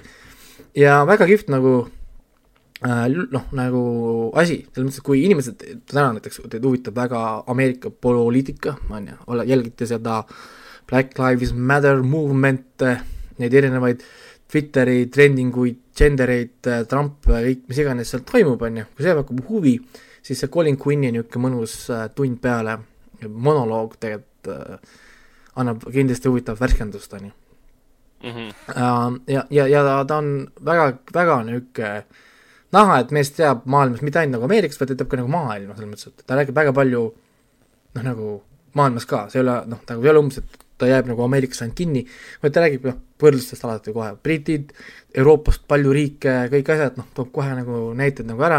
Ja hästi, räägin, hästi hea kuulamine oli. Ja mitte kordagi mul ei olnud tunne, et oleks, ma räägin, et seesama see preaching et see oligi lihtsalt nagu keegi rääkis oma muredest ja ta kirjeldab, kuidas tema noor oli, seitsmekümnendatel kas kasvas, on ju, noh, üks, üks, üks pikk segment, et, et inimesed ütlevad, et seitsmekümnendatel olid, olid äh, inimesed seksuaalselt aktiivsed või, või avatud, siis vaadake, mis täna toimub. ja siis hakkab seal, seal, seal tulema, et, et tema ütles, et tema täiskasvanuna või noh, vanamehena, tema ei saa täna enam, enam aru, kas, kas noored proovivad seksida või nad proovivad maadelda sest ta, ta tegi, tegi seal neid nalju, choke me daddy ja slap me ja pull my hair, on ju, ja siis, siis tema, tema nagu naisena ei saakski täna aru, et kas mees proovib sinuga magada või sa peaksid nagu tap out, et come on, et ma kohe kaotan tema teadvuse umbes vaata. ja, ja, ja, ja noh, niisuguseid nagu, nagu noh, nalju. Ja on, selles mõttes ma naersin, naersin tegelikult omajagu ja, ja lihtsalt naersin, nautisin head kuulamist siis, ütleme nii et jah, võib-olla kõige äh, muljetavaldavam oli see, kus ta tegi ühe lausega siis iga viiekümne osariigi üle nalja. see oli päris kihvt, sest peale selle, et ta pidi teadma muidugi viiskümmend osariiki, on ju. kui keegi, keegi sõpru on vaadanud, siis ta peaks teadma ju, et ei ole lihtne öelda viiskümmend osariiki Al, alati jääb puudu üks alati, sest mis see oli tsitaat, et keda huvitavad Carolinad või? ja, ja North ja South Carolinat, keegi ei huvita neid, sellepärast unustasidki ära. jah, et Alaska ja Hawaii ja, ja, ja asjad seal ja, ja siis tegi seal nalja erinevate asjade üle, et ja, ja noh, mul midagi ei meeldi ka näiteks Kentucky kohta vist oli see, et, et äh, ükskõik kui palju te üritate ennast näidata kui mingisugune business äh, capital või see business state, me kõik mõtleme teie peale, kui keegi ütleb sõna hillbilly ühesõnaga niisugused noh, noh nagu noh, asju. Ja siis see New, New Jersey kohta vist oli see, et äh, New Jersey ja siis oligi vaikus vist see ongi nali. et noh, see ei peagi muud muud ütlema. Noh, ja niisugused, noh, kõik osariigid käis nagu läbi, kõik said puid alla, on ju, terve Ameerika poliitika sai puid alla, mulle väga meeldis tema see, kuidas ta Trumpi lahkas, näiteks samamoodi. ta ei, ta ei läinud Trumpile kallale või ei hakanud seda äh, noh, need Daily Show'de ja whatever need äh, John Oliverid värgid, et Trump on paha, kõik see maailma lõpp, on ju, diktaator bla, bla, blablabla. vaid ta võttis rahulikult lahti selle ja hakkas tegema nagu nalja selle üle, et näiteks, et noh, võtab, ütles, ütles, et me võtame korra Trumpi nagu. aga vaata, mida Trump esindab. ja mida see räägib meie kui riigi kohta. ja, ja, ja miks me sattusime siia, situatsiooni ja siis tuleb niisugune mõnus äh, hea lahkamine ja ma räägin, et väga, väga hea kuulamine et äh, ei süüdistanud kedagi, ei vingunud, nagu noortel tänapäeval on, on kombeks. Ja pakkus lahendusi, ideesid ja, ja ütles, üks, üks tsitaat vist oli ka, et me ei pea isegi midagi välja mõtlema, me peame ainult vaatama maailmas natukene ringi. Mm.. no jah, tavaliselt see nii ongi. jah, et me ei pea mitte midagi uut välja mõtlema, vaid peame natukene vaatama ringi et, et jah, ja, ja, jah, räägin, vaadake, ütleme, see, seda võib vaadata lihtsalt isegi mitte siis, kui räägin stand-up meeldib, vaid seda võib vaadata, vaadata ka siis, kui lihtsalt ma räägin, see teema pakub huvi. see on lihtsalt niisugune, no ma räägin, kui vaatate seda Daily Show'd ja neid John Oliveri niisuguseid äh, asju, siis see peaks väga hästi tegelikult sobima ka. siis äh, viimane asi, mis ma vaatasin eile öösel peale seda, kui äh, lapsed mul magama jäid vaatasin täitsa nagu algusest ilusti lõpuni, on siis see doktor Jason Young äh,, pole kuulnudki, kes ta on, hashtag blessed, ta ongi päris doktor, ta nagu alustab sellega ka, et ta on päris me meditsiinidoktor, ta töötas arstina ja loo-, loobus oma karjäärist, et hakata siis äh, koomikuks. ta on, ma saan aru, ta ütles, ta pidevalt ütles, äh, mainis, et ta on Malaisia hiinlane, mida iganes see ka tähendab ehk siis ta isa oli Malaisiast ja ema oli Hiinast? mingisugune selline nagu äh, teema. ja päris head nalja tegi, ta on inglise keeles ka, see on täiesti ingliskeelne stand-up, ehk siis ta ei tee mingi malaisia keelt või, või, või hiina keelt, kuigi ta kasutab seal, ütleme, et noh, ta viskab sisse küll neid äh, noh, nagu hiina keeles teatud nagu asju, aga ta kohe tõlgib ja ta teeb kohe sellest nii-öelda nagu nalja, nii et sa saad ikkagist aru, ta on selgelt mõeldud ikkagist noh, nagu rahvusvahelisele publikule nii-öelda Mhm. Ja mulle väga meeldis see, jälle sellepärast, et äh, väga kihvtid teemad, on ju, ta vaatabki nagu meditsiinilise poolt või arsti poolt, ta teeb tohutut nalja religiooni üle, sest ta kogu aeg ütleb, et tema on man of science, ta teeb tohutut nalja nende äh, alternatiivmeditsiini üle siis. on ju, siis ta reageerib, et meil oli ilus operatsioon ja siis terve pikk segment on see, kus kohas ta teeb hullu, hullu intro, kuidas ta aitas ühte inimest, et ta saaks õiged arstid juurde, et õiged spetsialistid tuleksid ja siis esimene asi, mis ta näeb, kui see inimene sai terveks, ta läheb Twitterisse, paneb thank god. tal on nagu mm -hmm. ähm, äkki peaks mainima võib-olla mind, võib-olla minu kolleege, võib-olla noh, nagu neid ja ja, ja, ja noh, ja, ja kui sul järgmine kord see pim-, pime sool tahab lõhkeda, mine siis palun selle alternatiivmedi-, meditsiini juurde, las ta anna, annab sulle kaltsiumit ja, ja saa siis terveks. ja siis ta tegi selle nalja nende horoskoopide üle ja Instagrami modellide kohta ähm, ja, ja issand, et terve pikk segment oli tal see, et kumb on valusam, kas lapse sünnitamine või jalaga mu- munadesse saamine. Ja, ja siis ta jagas selle kolmeks teaduslikuks, nagu ta ütles, et see on nagu õppetund, siis lecture, pool tundi pani sujuvalt selle seda vist, et enne, pärast, ei, enne äh, nagu turning and after. noh, nagu, ehk siis kolm asja, mis toimub ennem sünnitust, sünnituse ajal ja pärast sünnitust ja meestel samamoodi, mis toimub enne munadesse löömist, munade löömise ajal ja pärast munadesse saamist ja selles mõttes ma räägin, et väga kihvt kuulamine jälle teatud äh, palju noh, nagu omajagu originaalset materjali ja tema selline unikaalne siis äh, pilk, ta on abielus India naisega näiteks, sellest oli seal oma om, omajagu, kuidas on, kui, kui rassistlikud on indialased siis teiste vastu. ja siis ta tegi ka nalja, et, et küll, te tead, saate aru, te olete ka Aasiast või? noh, nagu jah, aga, aga me vähemalt pole hiinlased no mingid niisugused noh, nagu noh, nalja, siis ta muidugi kirjeldas, kuidas siis tema ja, Hiina sõbrad reageerisid, aga nad on ju kõik hiinlased on ju niikuinii samad. noh, nagu ja siis kohe nagu pandi nagu vastu. nii et äh, jah, vaadake, stand-up'i ikka tuleb, ma üld-, üritan, ütleme, Netflixi stand-up idega no, enam-vähem jo-, joonel hoida. et tulevad uued või vanad, ma ikka vaatan ära. siis see nädal oli, oli üllatavalt hea saak, ütleme siiski, et võrreldes mõne eelmise nädal, nädalaga, kus, kus vahepeal sain ainult niisugust juustu, siis seekord tuli päris hästi. aga ongi kõik, mul vist rohkem minust ei olnud, mida ma kodus jõudsin vaadata. tahtsin ilgelt vaadata seda Tom Hollandi filmi, aga ei jõudnud aa, see The Devil All the Time. Jaa, ei jõudnud seda kahjuks, sest see on nii pikk film ja ma üritasin leida seda momenti, et nagu istuda maha, vaadata nagu kaks ja pool tundi. Ja ei saa. Netflixil ongi mingi teema, eriti nende oma originaalfilmidega, nad on kõik kipuvad väga pikad olema.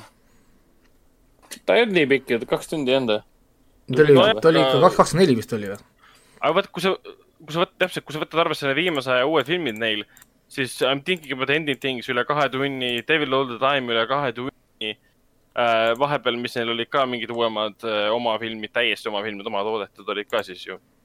No kaks kaheksateist, see ei ole nii pikk ju. no see on ikka pikk oota, aga The Devil all the time vist ei olnud nende toodetud või see oli lihtsalt õigused ostetud äh, levitamise suhtes või?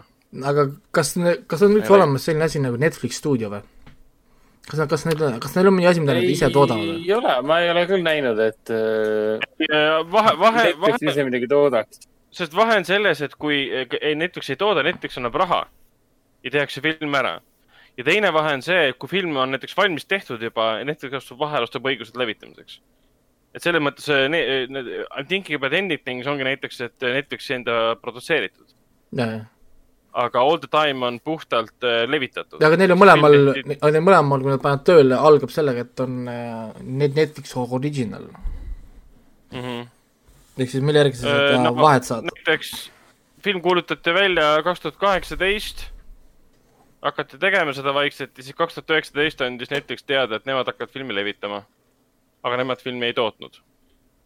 ja aga I m thinking of endings on samamoodi, et on ainult äh, levitaja, levitaja Netflix. okei okay.. no Siis- see ongi see Netflix original siis, et põhimõtteliselt kui, kui sa oled otse Netflixis levituses, see on umbes sama, kui levitajaks on äh,, ma ei tea, Universal või, või siin mingi Lionsgate või midagi taolist, et noh, see on ju vahet pole nende,, tootja on üks, aga levitaja on teine. mm.. et see näiteks sama, kui vaatasin seda, mis ma vaatasin seda ennem seda, noh see Warner stuudios toodab hästi palju. mis oligi see Race by the Jah. Wolves ja mingi Netflixi sari, mis ma just vaatasin hiljuti, oli sama tootja, sama stuudio tegi, tegi. lihtsalt nad arved esitavad siis ühel juhul HBO-le ja teisel juhul esitavad Netflixile siis lihtsalt, ma saan aru. jah, jah. et see on see, et kes, kes maksab kinni selle, et sinu seriaal jõuab igale poole. On see siis HBO või on see siis äh, Netflix? Neil on, ma arvan, suva neil, nad, nad teevadki oma stuudio, see ongi nende business, nad toodavad, neil on stuudiod, neil on inimesed, neil on kaameramehed, neil on kontaktid, neil on kõik blablabla, sa tuled oma ideega sinna, kuule, me tahaks teha mingit sarja mm., meil on mingi film, meil on raamat, suurepärane, me teeme ära, arve on siin. no täpselt. aga, aga liigume, liigume edasi, me siin mainisime Hendrikuga ka selle hashtag, hashtag laivi ära No nii. Netflixist äh,. Fantastiline film äh,, ei ole midagi öelda, ma olen, me oleme, mina vähemalt olen sinuga nõus, sinu kiitmisega. ma isegi ei mäleta, kas sa tegid midagi konkreetselt maha selle filmi suhtes või mitte. ma ütlesin, Aa. vist ei teinud midagi maha minu arust. ma mõtlen, mis ma, lõpp vist mulle ei meeldinud äkki veitsa või? ei mäleta, mingi asi mind äh, natukene häiris. nojah, see lõpp võib-olla mõju, mõjus natuke liiga hollikana, liiga Hollywoodina. aga kui üheksakümmend protsenti filmist on niivõrd tore, siis nagu, siis nagu suva see lõpp, et see lõpp natuke nõrgem on kui ülejäänud film, et nagu see ei lähe enam korda siis. seal olid nagu mõned väga- siuksed, seal olid siuksed mõned nagu siuksed ebaloogilised momendid, mida on väga nagu iroonilisel kombel hea hinnata just siis, kui sa istud diivanil ja vaatad filmi, et mina nii ei teeks. aga, aga kui sa ise oled reaalselt antud olukorras, siis sa võid avastada, et hmm, see hetk, kui ma vaatasin, kuidas tegelane üritas zombidest jagu saada ja käitus valesti, ma tegin, teen ise täpselt sama valesti. sest üks asi on see, et ma vaatan seda telekast, teine asi on see, et ma kogen seda ehk siis, ehk siis neid hetki nagu oli, kus ma mõtlesin, et issand, kui valesti ta käitub, aga tagantjärgi ma mõtlen, et see on ikkagi stressiolukord, inimesed ei saagi alati loogilised olla. Aga fil-, fil-, jah, nii, aga fil-, filmi kontseptsioonina mulle väga meeldis. et see ei ole nagu originaalne ega unikaalne idee, aga selle koha, kui me räägime nagu puhtalt äh, zombifilmidest, mul ei tule ükski teine zombifilm otseselt meelde, mis oleks äh, olnud äh, ühes ruumis kinni. kas teile tuleb? kas Sest, Sest, see äh, Night of the Living Dead on tegelikult majas kinni ju? nojah, selles mõttes küll, aga ütleme uue maja filmidest, mis, mis ei ole nagu žanri sünni juures. ja asi pole isegi- selles, et ta on ühes ruumis kinni, sest ta tegelikult ei ole selles kogu aeg kinni. vaid pigem on see, et siin on see, et siin on see sotsiaalmeedia teema sisse pandud. aga see oli võib-olla filmi suurim, suurim pettumus minu jaoks, sest pealkiri on sul hashtag live, mis viitab justkui sotsiaalmeedia kampaaniale hashtag'ile jah, siin kasutati väga palju ähm, telekast uudiste vaatamist, videomängudest yeah. räägiti, oli mainitud, oli näha, et tegelane oli mängur. siin kasutati mis iganes sotsiaalmeedia võrgustike erinevaid lahendusi, aga neid ei kasutatud üldse tegelikult filmis. nagu peale selle, et ta sai infot, mis, mis toimub maailmas. mingit suhtlust kui sellist läbi selle absoluutselt no, ei olnud. seda ei saanudki teha, vaata, kui sa kujutad ette, kuidas film oleks olnud, kui ta oleks saanud terve aeg käia internetis näiteks. No ja täpselt jah, aga see on lihtsalt see nagu veits, veits jättis mulje, et isegi kui sa vaatad Netflixi seda preview'd, see pisikene ümmargune aken, see nagu näitab, et sul on sõnumid tulevad, sa, see nagu justkui vihjab, et aa, see film kasutab siis hästi palju sotsiaalmeediat ähm, ära, kasutab sotsiaalmeedia nagu kujutamist siis äh, zombiapokalüpsises. no siin oli ka seda tegelikult. aga ta, ta oli pigem vähe ja seda, sellega ma olen nõus, aga see mind väga ei häirinud ka, kuna noh, kuna ta oli, kogu film on nagu üks super hea, hea, hea tuju film nii-öelda mingis mõttes. On ikka, ta on ikka hea tuju film ja selles mõttes ma olen nõus. see on ikka, sul on niisugune geimer, geimerboy ärkab hommikul üles ja avastab, et kõik on zombisid täis ja, ja kui zombimadinaks läheb, siis see on ikkagi väga rets zombimadin, see on Mm. niisugune kakskümmend Ikka kaheksa päeva hiljem stiilis zombimadin, niisugune hirmutav zombimadin. ja vaata siin siin, oota. Eivur mainisin, vaata, et siin zombidel üks unikaalne omadus, vaata. kas saite aru, mis see oli või? äh, ainukene, mis silma paistis, oli see, et äh, vähemalt üks zombi, tähendab kaks asja, et zombid kippusid oma ohvreid vedama. ühe, üht, alguses ma märkasin, et vedasid oma ohvreid äh, eemale sealt kohast, kus nad nad maha tapsid. ja siis see teine koht, kui siis üks zombi tegi seda, mida tavaliselt zombid kunagi ei tee, ehk siis noh, ja et siin Nad oli ka, siin oli jah, nagu vanasti. et siin oli kaks asja jah nagu, et esiteks ongi, et, et neil tuleb see herd mentality, et nad tassivad toitu üksteisele. Mhm. ehk siis kui Jaa, ta saab süüa, et ta viib teistele nagu või noh, nagu ta viib sinna, kus on nagu see zombide punt nii-öelda. ja siis teine asi ongi see, et zombid siis äh, säilitavad lihasmälu oma, oma töödest, karjääridest, mis iganes tööd nad on teinud, ehk siis selle tõttu zombid on erinevad, mis on minu arust väga mm huvitav idee, sina ei tea, mis tööd on inimene teinud. no näiteks, No näiteks seesama, kui äh, mingi poksija või, või eluaegne võitleja näiteks on zombi. tal on mm., tal on lihasmälu ja kui sa peaks temaga üks-ühele kokku minema näiteks, on ju või näiteks äh, tule, tuletõrjuja, kes on harjunud nöörid Jah, panima. jah, ma ei näiteks, jah. no, No, lihtsalt, Näide. lihtsalt näide, lihtsalt näide. jah, selles mõttes nagu minu arust oli väga huvitav idee, ütleme Oli. zombi niisugune nagu lisa ja see muudab just selles mõttes nagu noh, mina kui oleks selles situatsioonis, ma oleks kohe palju ettevaatlikum või noh, nagu sest ma ei tea, ma ei, kes, kes need inimesed on.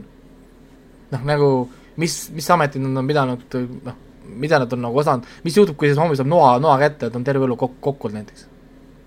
või noh, teatud asjad vaata, noh nagu mis või siis on terve, elu mafioosnik olnud inimesi nugadega tapnud näiteks. ei no on, aga kui ta on No näiteks olnudki terve elu, ma ei tea, SWAT-is või, või kaitseväelane või sõjaväelane või whatever ja ta leiab maast relva, siis zombi ju enamasti ignoreeriks relva. siis Mm. see zombi võtab kätte relva, hakkab laskma sellega näiteks. kui, kuigi seda osa oli ka filmis tegelikult no, no natukene, seda ei olnud nagu nii palju. et ma isegi oleksin tahtnud, et seda oleks rohkem nagu ära kasutatud, rohkem sellest nagu räägitud või seda tegelaste poolt nagu analüüsitud. sest lõpuni välja nad tegelikult endale seda päris selgeks ma ei saanud aru, et nad oleksid teinud. kuidas zombid töötavad ja arutanud seda omavahel.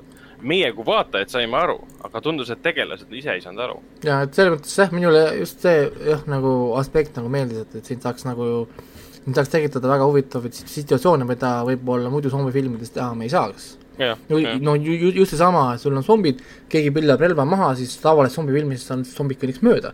no nüüd võiks tekkida situatsioon, et sa pilladki relva maha, näiteks sul on seal mõni zombi, kes on siis kaitse- või sõduri riietuses, mis on ju täitsa tavaline zombi sit- situatsioonis, kus sõdurid on e- eesrindel saanud surma või noh, zombiks ise muutunud. ja nüüd selle asemel, võtab relva kätte nüüd näiteks hoopis. no täpselt. aga, ja nüüd ongi üllatus, sina ju ei tea, mis ta teeb sellega, aga kui ta on näiteks harjunud võitlema kogu aeg teatud suunas, ta võib-olla hakkab laskma hoopis teisi zombisid. meie ei tea. sest eh, kuidas tema võiks reageerida, kui ta saab kätte relva, vaata. kui ta on terve elu olnud sõdur, ta viimane asi, mis ta tegi, võitles zombidega, oleks ju minu arust väga huvitav plot twist, et ta võtab relva, hakkab laskma hoopis teisi, teisi, teisi zombisid. ja, ja. okei okay,, ma olen sinuga selles mõttes jah, igati nõus, et see on väärt, väärt film, väärt film isegi nagu seltskonnaga vaatamiseks. ja eriti tahaks kiita muidugi peategelast äh, Ah In-Jood, kes on fantastiline, ma, ma, kohutav ah,, kohutav viis, kuidas ma, ma ei tea, kuidas korea keeles öelda nende nimesid. Jin, Jin, Jin. Ah, Jin-Yo, Aa. ah Jin-Yo, ah okei, okei. siin joo, midagi sellist jah. jutu, jutu mõte on siis see, et see näitleja, noh, oli fantastiline selles Young Dong Lee äh, Burning us äh, siin paar aastat tagasi oli PÖFFil. ta oli fantastiline selles Troonis, mis oli ka paar aastat tagasi PÖFFil. üldse fantastiline Lõuna-Korea näitleja. ehk siis ta on PÖFFi näitleja. aga rääkides fantastilisest Lõuna-Korea näitlejatest, siis me vaatasime Hendrikuga ka kahe tuhande, kahe tuhande, mis aastane see oli, kuueteistkümnenda aasta filmi The Terror Live, kus on peaosas ähm, Chung Wo Ha, kes on, noh, see nimi ei pruugi midagi öelda, aga kui sa oled vähegi Lõuna-Korea filme näinud ja näiteks vaadanud, ma ei tea, The LOC-d või Chaserit või, või ma ei tule rohkem pähe, pähe praegu, aga ta on üks tuntumaid Lõuna-Korea näitlejaid. Ja tema mängib siis Terror Live nimelises äh, filmis ajakirjanikku äh, uudisteankurit, esialgu ta on siis raadios, kunagi ta oli uudisteankur, nüüd alandatud või tagandatud siis nii-öelda raadiosse, kes satub peale siis äh, terroristile, kes ähvardab otse-eetris ähm, silla või, või hoonet või mis iganes asju õhku lasta, kui tema nõudmisi ei täideta ja kogu lugu tegelikult leiabki aset uudistemajas, selles samas raadioruumis, mis muudetakse uudisteankru ruumiks, kus tema kogu selle aja suhtleb äh, äh, selle terroristiga, kellel on erinevad, erinevad nõudmised äh,, mis kogu aeg arenevad vastavalt sellele, mis sündmused toimuvad.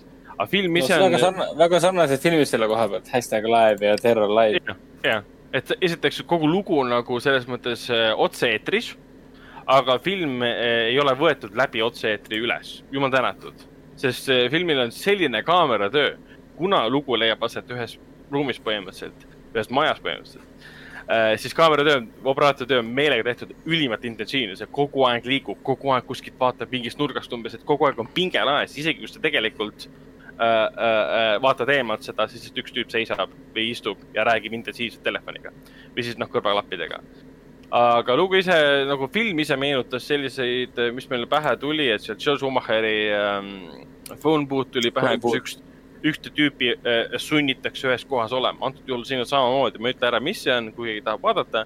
et peategelast sunnitakse ühes kohas olema, ta ei tohi sealt liikuda.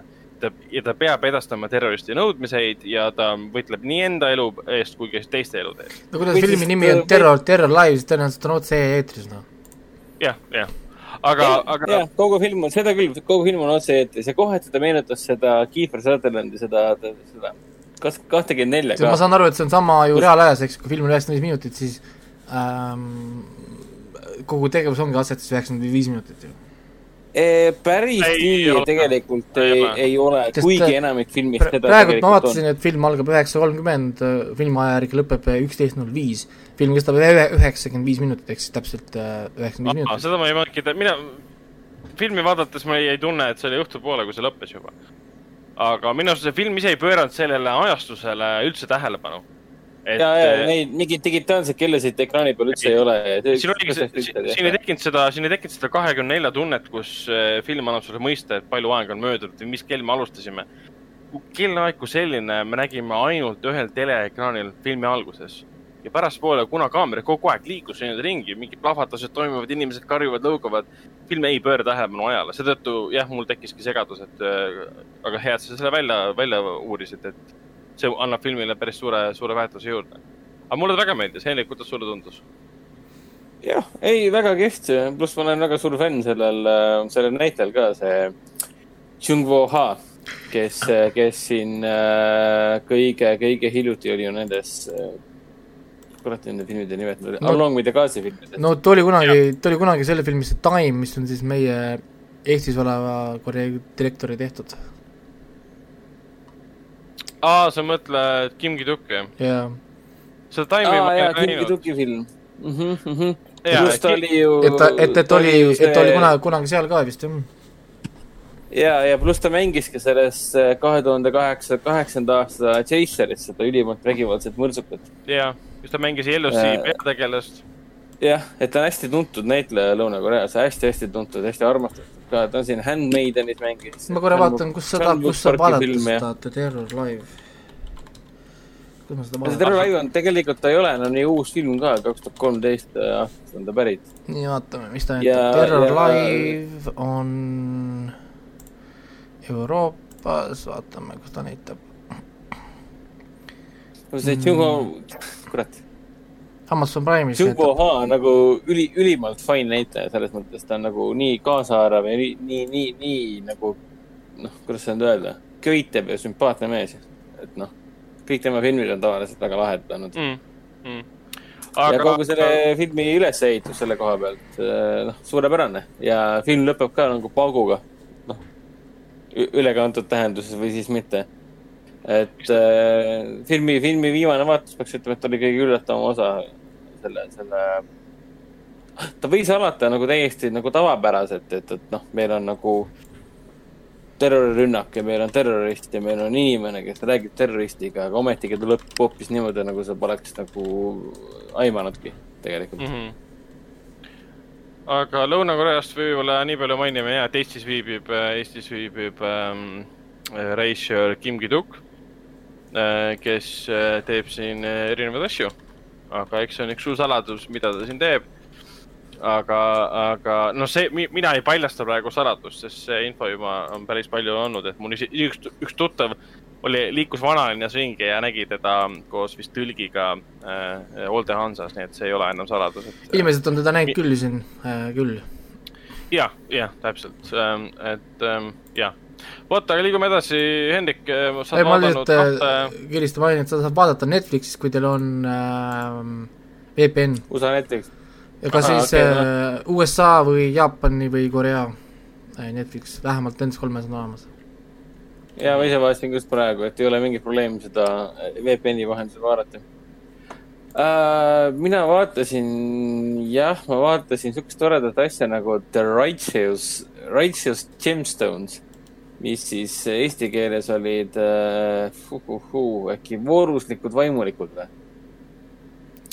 aga täitsa, täitsa lampu sattusin sellele, sattusin selle peale, sest siis vaatasin, et siin filmi, selle sarja loojaks on üheksa episoodi on sellel, sarja loojaks on ei keegi muu kui Danny McBride, kes siis ka Aa. lavastab episoode, näitleb peaosas koos eh, John Goodmani ja Adam Devine'iga. ma ei tea, kas te mäletate, kes on Adam Devine või?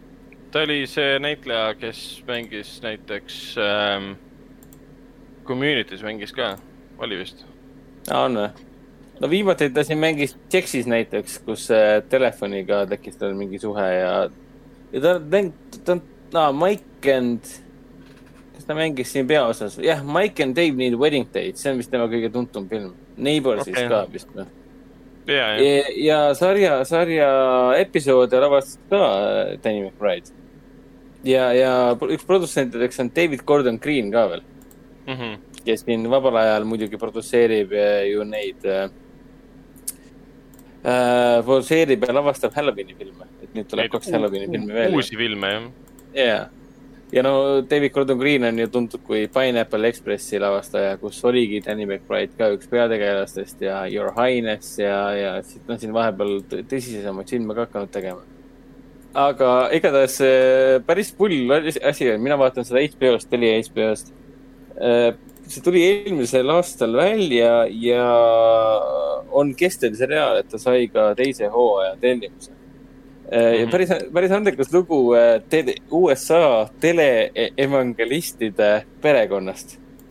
ehk siis see on täielik muskumööda sellest, kuidas äh, USA suurimad, kõige popstaarimad, kõige rikkamad, kõige, kõige armastatumad teleevangelistid ja nende- võsukesed ja nende patriarhid põhimõtteliselt võimutsevad ja kuidas nad täidavad saalid ja siis räägivad sellist, sellist, ausalt öeldes sellist paska suust välja, mida absoluutselt kogu USA ka nagu reaalses elus nagu meeletult fännab. ja, ja, ja see ongi, see ongi, see ongi usk, see ongi kristlus nende jaoks. aga see sari ise, noh, see on Danny McBride'i sari, ehk siis nad, ta teeb seda ikka väga vastikult musta huumoriga. kohutavalt palju roppust on ja kogu sarja põhimõte on näidata seda, et äh, mi- mis on üdini valgete säravate teleevangelistide äh, taga tegelikult, et kuivõrd, kuivõrd rämedad patused, kui debiilsed, debiilsed patused nad tegelikult on. Et see on muidugi üle võlli mängitud, aga, aga väga andekas värk. mulle, mulle teid kaks osa on vaadatud ainult. esimene osa nagu erilist muljet ei tekitanud, aga äh,, aga teine osa läks juba nii väga hästi, väga hästi ree peale. et siin sündmused arenevad küllaltki kiiresti. et esimene osa lõpeb pauguga, paari pauguga. teine, teine hooaja, teise, teise te,, teine osa lõpeb veelgi suurema pauguga, mul jäi isegi karp lahti, et noh, et päris andekas, et üheksa episoodi ja juba esimese kahe osaga äh, sisu areneb äh, nagu, nagu hüp, hüplikult äh, nagu tw- twistide peal nii- põhiselt nii-öelda. ehk siis ta tahab vaatajat üllatada kogu aeg uut, uute sündmustega äh,. ja kogu lugu hakkab siis käima sellest, et Danny Brady tegelane avastab, et teda, talt pressitakse välja äh, üks miljon dollarit, sest äh, muidu lastakse internetti ja mustatakse kogu tema perekond ja lastakse internetti siis äh, väga, ütleme nii, et la- lastele keelatud kraam temast oma sõpradega tegemas asju, mida teleevangelist, teleevangelist kunagi ei teeks. ja siis lähevad asjad muidugi käima ja ka Danny Bride, Danny, Danny McBride mängib täielikult Danny McBride'i. ehk siis äh, kui sulle ei meeldi Danny McBride, siis, siis see tõenäoliselt see sari ka ei meeldi.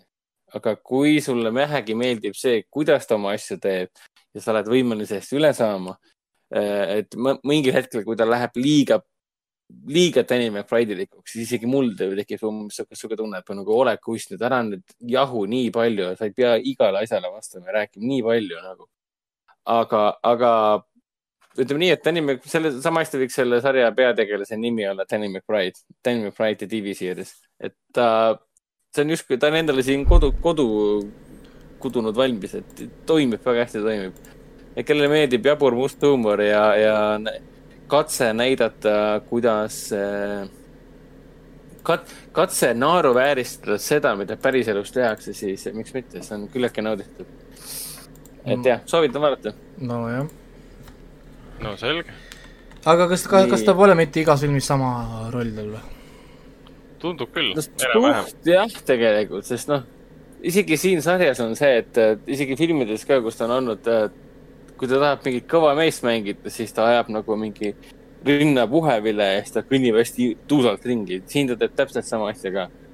et see ongi see, et kui sulle vähegi Tänni meeldib, siis võib noh, isegi peale minna. aga, aga ma pigem soovitaks, ta on sisuliselt vähemalt ta mõjub nagu piisavalt debiilsena nii-öelda, piisavalt naljakana. nii, aga siis ma vaatasin seda uut Netflixi seriaali ka, see High Score, mis räägib siis äh, videomäng. videomängu, videomängude ja videomängutööstuse sünnist põhimõtteliselt, võib nii, nii öelda. Ega ma väga palju pole vaadanud, ainult ka esimesed kaks osa on vaadatud. kolmas osa hakkab rääkima rollimängudest ja nende ne, RPG-dest, RPG sünnist nii-öelda, mis puudutab siis videomänge. aga esimesed kaks osa olid väga-väga põnevad. et mina, mina võin julgelt öelda, et mina, kes ma äh, pigem vajaksin videomängude ajaloos järeleaitamistunde, siis minu jaoks oli põnev vaatamine. et ma olen kergelt mõjutatud, mis puudutab selliseid seriaale teemadel, mis äh, mul nii äh, äh, äh, äh, noh, nii lähedane nii, nii teadvustatud ei ole. aga väga andekalt tehtud, väga tempokas, väga hea narratiiv äh,. skript on väga mõnus dokumentaalsari, aga nagu vaataks mingit ilget, ilget põnevikku, mingi nagu aeg möödub täiesti niimoodi ja kogu aeg tahad järgmise episoodi panna, sest noh, ta on nagu, nagu Tiger King, ainult et mitte debiilne idiootsus, et noh, jah. aga jah, ei rohkem, rohkem ma ei vaadanudki midagi, ma olen täitsa rahulik olnud oma elus. mm. -hmm. ma mainin kiiresti ära siis äh, kaks õudukat, mis ma vaatasin, üks oli, miks ma neid, põhjus, miks ma vaatasin, oli sellepärast, et sõber korraldas siis äh, filmiõhtu, kus vaadati ainult äh, Daniel Harrise filme. Daniel Harris on siis USA Scream Queen. ta on tuntud siis filmide poolest nagu, nagu Hatcheti filmiseeria, mis on põhiline, mille poolest teda tuntakse. Aga ta on ka siis Halloweeni äh, remake ides kaasa löönud, Halloweenis põhiseerias kaasa löönud remake'ide all ma pean silmas siis neid Rob Zombie remake'e. ja ta on siin kaasa löönud ka siin Urban Legendi filmides, Takelandis ja no väga paljudes filmides, väga tuntud, tuntud Screen Queen. ja kuna sõber on tema suur fänn, siis me vaatasime tema viimaseid filme ja mina sa- sain vaadata sellist filmi nagu Camp Dread, mis on ühe, ma andsin talle ühe punkti IMDB-s, sest kohutav, kohutav saast. tõsi, mis selle nimi oli? Camp Dread kaks tuhat neliteist. ja, ja selle filmiga on see, et äh, Dan, Daniel Harris seal ei ole põhimõtteliselt, ta on filmi alguses ja lõpus. ehk siis see on nagu postrile pandud lihtsalt tema nägu, mis viitab sellele, et on kogu filmi sees. ehk siis, kui me poole, poole filmi olime jõudnud, siis mõtlesime, et jätame vist filmi pooleli, aga me ei jätnud, me vaatasime lõpuni, sest see oli nii halb. ja Oota, filmi ta- põhitegelasi on siis Erik Roberts, kes on tuntud siin mafioosnike näitlemise poolest ja mängis siin The Dark Knightis mängis näiteks äh, Maronit või keda ta mängis seal täpsemalt. aga film ise on siis äh, nagu äh, peaks olema õudusfilm, mida ta ei ole, peaks olema horror, mida ta ei ole, müsteerium, mida ta ei ole äh,. lugu on väga lihtne. probleemsed noored oma arust lähevad siis äh, laagrisse oma probleeme lahendama, mis tegelikult on ühe kurja produtsendi loodud äh, reality tv show, kus on nagu fake killer, kes hakkab ükshaaval neid hävitama, aga see killer pole tegelikult fake, vaid päris ja jada, jada, jada. probleem selle filmiga on see, et see lugu oleks isegi hea, kui filmi tegijad oleks, oleks huvitanud see film. Neid absoluutselt ei huvitanud, millega nad filmivad, kuidas nad filmivad, kuidas on kadreeritud, kus on valgus, mis asi on valgus, mis on näitlejad, lihtsalt sihuke tunne, et kogu filmi ajal lihtsalt üks tüüp võttis kaamera kätte, suunas näitlejate poole, samal ajal puhus, ma ei tea, nätsuga õhupalle või noh, pallikesi, kuidas nii, nätsupalle ja siis vahet-, vahtis oma mobiiltelefoni. ta oli nii suvaliselt üles filmitud, kui üldse olla sai. et see on hea näide on näiteks see, kuidas lihtsalt äh, tegelane astub kaadrisse ja sa ei näe tema poolt nägu, sest kaamera filmib midagi muud lihtsalt. sa ei, ja sa ei saa aru, kuidas on siukene, kuidas see film valmis teha niimoodi. täiesti absurdne sitt, vabandust minu väljenduse eest, aga see lihtsalt uh. Aga lugu tegelikult on tal huvitav, see kontseptsioon kui selline, et probleemsed noored, kellel on kõik erinevad probleemid, kes on seal inimesi tapnud, kes on narkomaanid, mis iganes. saadetakse siis laagrisse, mis tegelikult on siis reality tv show, umbes nagu mingi Rannamaja, ainult et killer on seal. Rannamaja vajaks küll killerit. ja siis tuleb välja, et see killer on tegelikult päris, see produtsent on hull, kes tahab lihtsalt eh, taasluua oma kunagise filmi, mis ta tegi, kus oli ka laagri ja, ja killer. aga, aga see ei tööta, see lihtsalt ei tööta, see on nii, nii, nii ajusid nüristav äh, äh, saast, kui üldse üks film olla saab. aga Daniel Harrise pärast me teda vaatasime, ehk siis alguse ja lõpus me teda nägime, et see selleks. aga siis me vaatasime, vaatasime kohe järjest otsa selline film nagu aastast kaks tuhat seitseteist Inoperable, kus on Daniel Harris algusest lõpuni särab. film ise, IMDB-s on ta indeks kolm koma üheksa. Camp Trade indeks, ma kohe vaatan, oli, on IMDB-s kolm koma kaheksa. mis on, mis viitab sellele, et peab olema sama halb. ei ole, Inoperable on fantastiline film. uskumatu, algusest lõpuni suurepärane film. oota, mis aasta see oli? kaks tuhat seitseteist, kolm aastat hiljem. Inoperable on nagu algusest lõpuni niivõrd fantastiliselt üles filmitud. see, kuidas, see leiab aset kõik haiglas ja see, kuidas kaamera on pandud liikuma haigla koridorides, läbi inimeste, läbi asjade, läbi geograafia, läbi nagu, nagu saa-, plaanide, kõikide selle, see on lihtsalt nii ilus, et me vahepeal kerisime tagasi, et vaadata, kuidas nad seda filmisid, kuidas see kaamera liigub. ja lugu ise on lihtne, naine ärkab haiglas üles tundub, et meil on olnud õnnetus, haiglas on kogu aeg midagi viltu nagu korralik õudukas, et äh, põhimõtteliselt äh, elekter läheb ära või elekter vilgub, me näeme taustal mingisuguseid kummituslaadseid olendeid ja me saame aru, et ah, justkui ta on kummitushaiglas, haiglas, kus on kummitused. aga ei, siis tuleb välja, et see on time loop film, see on ajasõlme või aja, ajaluup, kuidas see, kuidas see eesti keeles nimetad time loop filmi? Eesti keeles vist ei olegi seda sõna luupi otsetõlget või? põhimõtteliselt see on nagu lõputu küllapäev. Tsükkel või elusükkel või? peategelane või ärkab kogu aeg, ta on nagu lõ- lõputu küllapäev või Palm Springs, peategelane ärkab kogu aeg haiglavoodis üles uuesti, uuesti, uuesti pärast teatavaid sündmuseid ja üritab aru saada, miks see temaga juhtub. et see lugu ühel hetkel enam ei ole loogiline mitte kuidagi. aga ta ei ole naeruväärne, õudus on, töötab algusest peale. Seal on väga palju erinevaid pöördeid, ta veits meenutab mulle Antebellumit, mida me, millest me hakkame varsti rääkima, kus on samamoodi, et hoitakse müstikat niivõrd kõrgel, et sa ei jõua selle peale mõelda, et lugu ei tööta tegelikult. Inoperabilis lugu nagu töötab, aga ta ei ole korralikult võib-olla läbi mõeldud. aga miks see film nagu töötab, on puhtalt see, kuidas näitlejad jooksevad kaamera ees, mis lihtsalt jälitab ja, ja haarab neid ja liigub niivõrd innovaatiliselt ringi, et ma ei saa aru, kuidas saab sellel filmil olla kolm punkt üheksa hinnang. See on täiesti hämmastav lihtsalt. et seda ma soovitan kindlasti, kindlasti ette võtta ja vaadata. ja viimasena ma nüüd vaatan uuesti, ma vaatan, sest ta mul uuesti vaatamine on pooleli, on Meet Joe Black. puhtalt sellepärast, et ma üks, vist eelmine aasta nägin teda esimest korda üldse. minu arust fantastiline film. sada, sada kaheksakümmend üks minutit huvitav jah, et sa vaatasid, sest ma vaatasin ka seda naisega alles mingi Ah, kaks no, kaks nädalat tagasi või nii. meie tavaliselt vaatame vaatasin- seda mingi paari kuu tagant aeg-ajalt uuesti, et no, minu arust ta on nii, nii ta on nii mis värk selle veider. filmiga on? mina ei ole seda uuesti vaadanud, viimati nägin seda, ma ei tea, kümnesena aga see Ta on on äh, sinu viga. ta on aastast üheksakümmend kaheksa, ta on Net- Netflixis olemas, sul on üli, sul on ülinoor Brad Pitt peas, ta on nagu, nagu, nagu ikka väga noor, et ta on nagu wow., et tema on jah selline, mida heteromehed vaatavad, nojah, ei ole, ei ole kõige hullem. mul oli küll niimoodi, et be, be still my beating heart nagu. ja Anthony Hopkins mängib filmis ja siin on hunnik teisi näitlejaid ka, noh, Jeffrey Tambor, rahu põrmule tema karjäärile. aga Anthony Forlani. Ja Claire Forlani ka muidugi äh,, aga, aga keda ma teangi selle filmi kaudu. Anthony Hopkins ja Brad Pitt säravad algusest lõpuni selles filmis.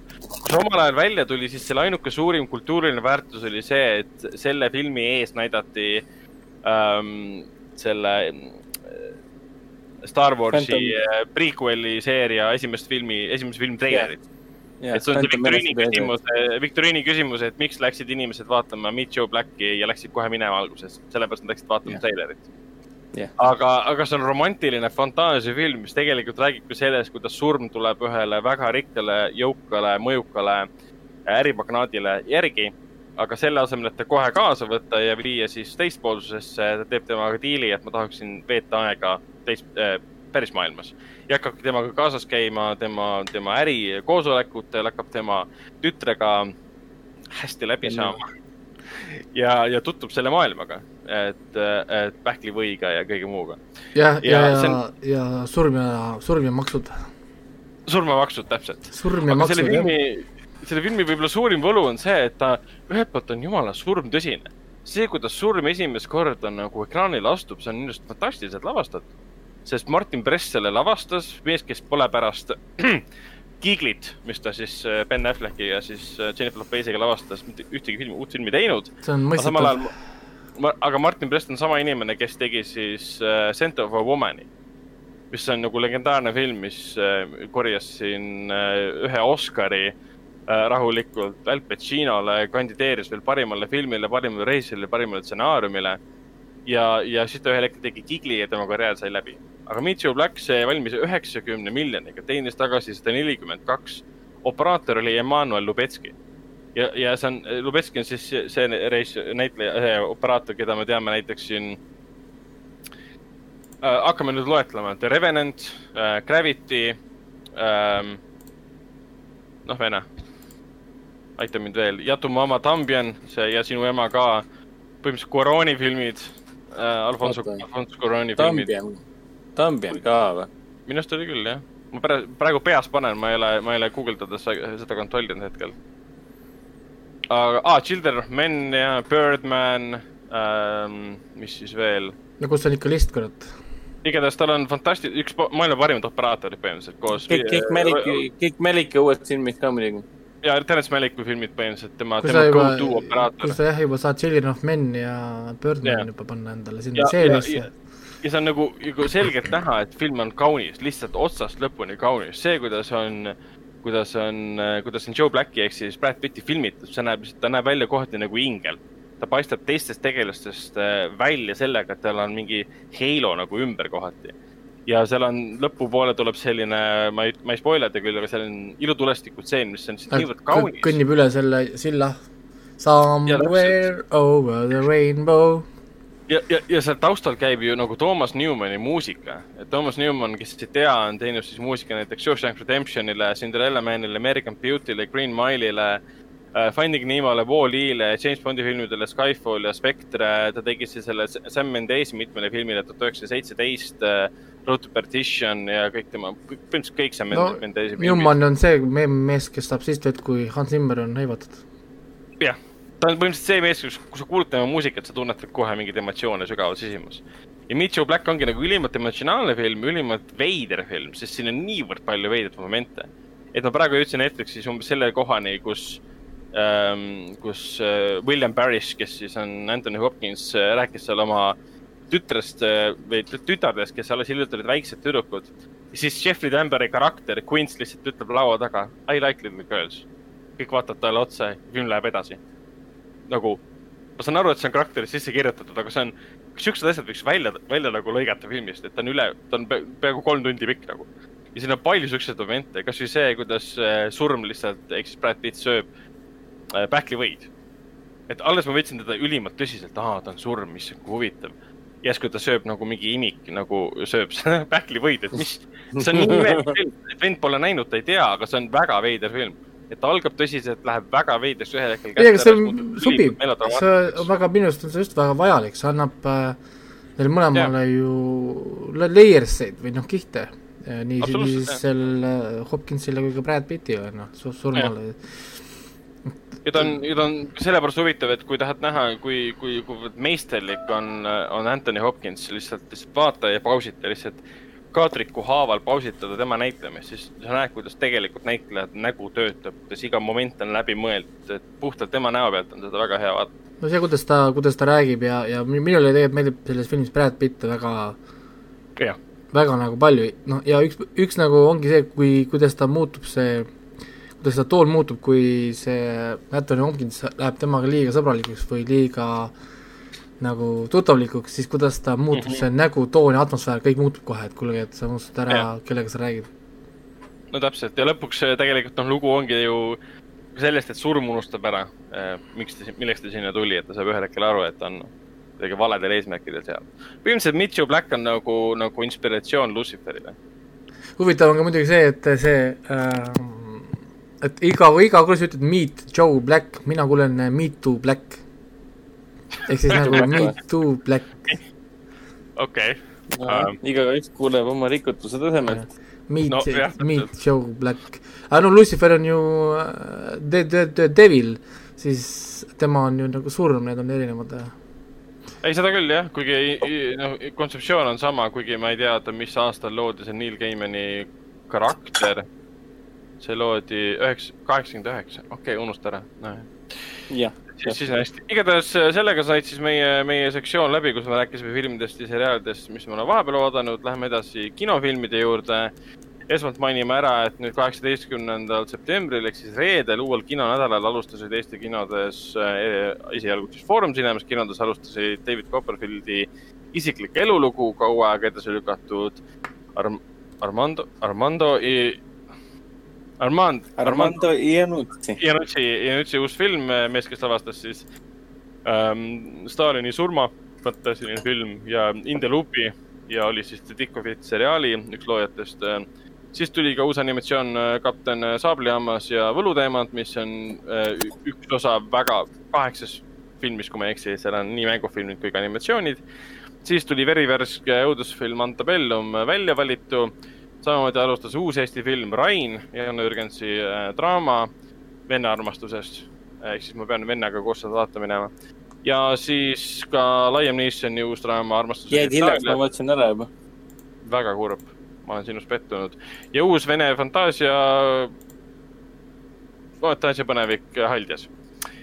vot ja Artises alustasid kõik samad filmid, välja arvatud Haldjas ja Antebellum. okei okay,, ma loen Artise uue nimekirja ette, see on liiga palju.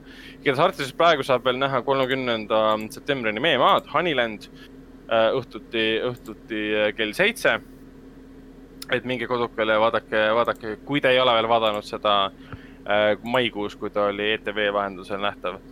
ja siis muidugi David Copperfieldi isiklik elulugu armastusega Itaaliast, kapten Saabeljaamas ja võluteemant Rain ja meil alustas ka kaheksateistkümnendal siis Narko Memm äh,, mis on siis muidugi Isabelle Huberti uus film, kus äh, temast, kus, kus tagasihoidlikust tõlgist äh, saab siis, saab siis politsei heaks tö- töötava tõlgist saab siis sõna otseses mõttes narkomemm. väga äge ja väga Nar- raju film. narkomendid. ma pidin seda tegema. okei okay.. vot, aga seekord me räägime siis pikemalt, mis filmidest, räägime siis Brasnikust, me räägime Antebellumist, räägime Rainist ja räägime Bill and Ted Festi muusikust. Aga ma arvan, et alustamegi siis, siis viimasest. Raiko, mis sina arvasid, arvasid Bill and Tedi saaga kolmandast filmist? Ähm, ma ütlen, ma ikka jään selle juurde, et esimene oli kõige parem, teine on ülekaalukalt kõige nõrgem ja kolmas on niisugune siis okei okay, film, ütleme selles mõttes. ta oli liiga obvious, selles mõttes ta on ikkagi liiga kaks tuhat kakskümmend, on ju, aeg on oma töö teinud ja, ja juba see fakt, et neil mõlemal olid tütred, kohe, kui ma neid tütreid nägin, ma kohe teadsin, et tänasel ajastul, kui neil oleks tütred ja nendel ei oleks filmis põhiline roll või need ei oleks need, need äh, whatever on ju see põhipoint, siis see film saaks cancel, sest äh, ei tohiks seda filmi tehagi. ja nii, nii see ka läks, aga, aga muidu oli ikka fun seiklus selles mõttes, et ähm, nende naised kaasati, oli mingi agenda või? ei, lihtsalt täna ongi niisugune reegel, noh, täna ei saa enam teha niimoodi filme, nagu sa tegid kaheksakümnendatel üheksakümnendatel. see oli lihtsalt filmi idee ja, ja stuudiod asjad annaks talle cancel'i, sest äh, Twitterile ei meeldi. Twitterile ei meeldiks selline idee, et kaks valget meest päästavad, päästavad maailma. see ei tohi lihtsalt enam juhtuda, või noh, lihtsalt, lihtsalt see ena- enam ei lähe. aga jah, keskmine selles mõttes, et mina ikkagi, esimene oli ikka kõige niisugune nagu noh, niisugune nagu seiklusrikkam või kõige nagu muretum, siis, siis siin nagu ikkagist jah, see manus oli neil muidugi on ja, ja, ja nende iseendaga kohtumine, kus nad pidevalt nüüd iseenda erinevaid versioone siis nagu nägid. et, et jah, ta oli, ütleme siis nende ütleme kõikidest või kolmest filmist nüüd, kui ma korraks võtan nagu kolm filmi kokku, jah, siis äh, noh, kõige viimases muidugi nad kõige rohkem nägid noh, iseennast, noh visuaalselt muidugi selge see, et viimane on kõige võimsam ja kõige parem. siis äh, siin oli päris mitu asja, mis nagu minu arust ei olnud nagu paigas, esiteks oli see, et see äh, koomik ju, kes, mis see, mis nimi oli, Carlin või? jah, jah, et George, ei George Carlin. George, George Carlin jah, et see tema nagu karakter oli nii-öelda nagu siis tulevikus siis legendaarne ja ja nii-öelda hästi ülal peetud, siis millegipärast nagu jälle see on noh, nagu noh, nagu see, et, et nüüd nagu enam Billy Teed ei usaldata äkki või, või noh, nagu niisugune see oli nagu minu arust nagu veider, et noh, kõik oli nagu paigas ju, terve tulevik on nende järgi ehitatud, siis miks siis nüüd nagu nendest on usk kadunud äkki, ma ühesõnaga see oli äh, nagu noh, veider ja siis seesama, et nad iseenda nagu tulevikuversioone kohtasid. Mhm. nagu mingi kakskümmend viis erinevat versiooni ja mitte ükski nendest ei teadnud siis seda lahendust, mida neil tegelikult oli nagu vaja. Nad, millest igaüks oleks pidanud seda tegelikult ju teadma. ehk siis nad ei teadnudki, mida nad tegelikult tegema pidid, pidid ise seal no avastama nii põhimõtteliselt siin lugu ongi noh, nagu see, et kunagi ammu äh, sai siis ennustatud, et Bill ja Ted päästavad universumi või noh, nagu aja, terve aja siis, aja kokkukukkumise Jah. yeah. sellega, et nemad kirjutavad siis selle suure maagilise loo, mis ühendab terve maailma. aga, aga nüüd on aastad läinud, aastad läinud, aastad on kolmkümmend aastat on mööda läinud ja nad pole seda lugu veel teinud. Nad on kaotanud oma publiku, nad on vajunud ajastusse, unustusse, ühesõnaga nende bänd, mis kunagi oli üks kõige suurem bänd, on nüüd lihtsalt suvaline väikene mälestus ja, ja põhimõtteliselt siis nende kontsertidel käiakse ainult mingi kümme-viisteist inimest käivad kuulamas nende esinemisi kuskil baarides ja vanadekodudes ja ja ühesõnaga kõik on nagu kadunud ja tundub, et seda nende hitti pole kuskilt nagu tulemas. Siis tulevik on nagu mures, mingi viissada või kuussada aastat tulevikus, et, et, et seda lugu ei tulegi ja aeg kui selline saab otsa ja kõik universum nii-öelda laguneb, nii-öelda kollapsib endale siis nagu sisse või noh, nagu vajub, vajub kokku. ja siis nad saadavad siis selle George Carlini tütre, et ta võtaks siis nagu oma isa töö üle ja, ja prooviks siis Billy ja Teid aidata, nii-öelda, et nad leiaksid siis selle nagu selle muusika või loo nagu ülesse. aga kuna neil pole tegelikult ühtegi ideed, kuidas seda lugu nagu teha, siis nad hakkavad nii-öelda nagu ajas lendama iseenda juurde, siis nagu kord nagu aasta edasi, kaks aastat edasi, noh nagu erinevates aegades tulevikus, iseenda tulevikus, et siis iseenda käest küsida, mis lugu see oli või noh, nagu et nad saaksid selle loo, mis nad pidid kirjutama nagu tuleviku enda versioonide käest. noh, nii-öelda. ja, ja siis põhimõtteliselt iga, iga kord, kui nad siis iseenda kohtuvad, midagi on nagu paigast ära, midagi on nagu valesti, ja aga noh, nüüd on neil muidugi abielud, on ju, neil on veel näped käima abielunõustamiste juures, neil on tütred, kes on nende suuremad fännid.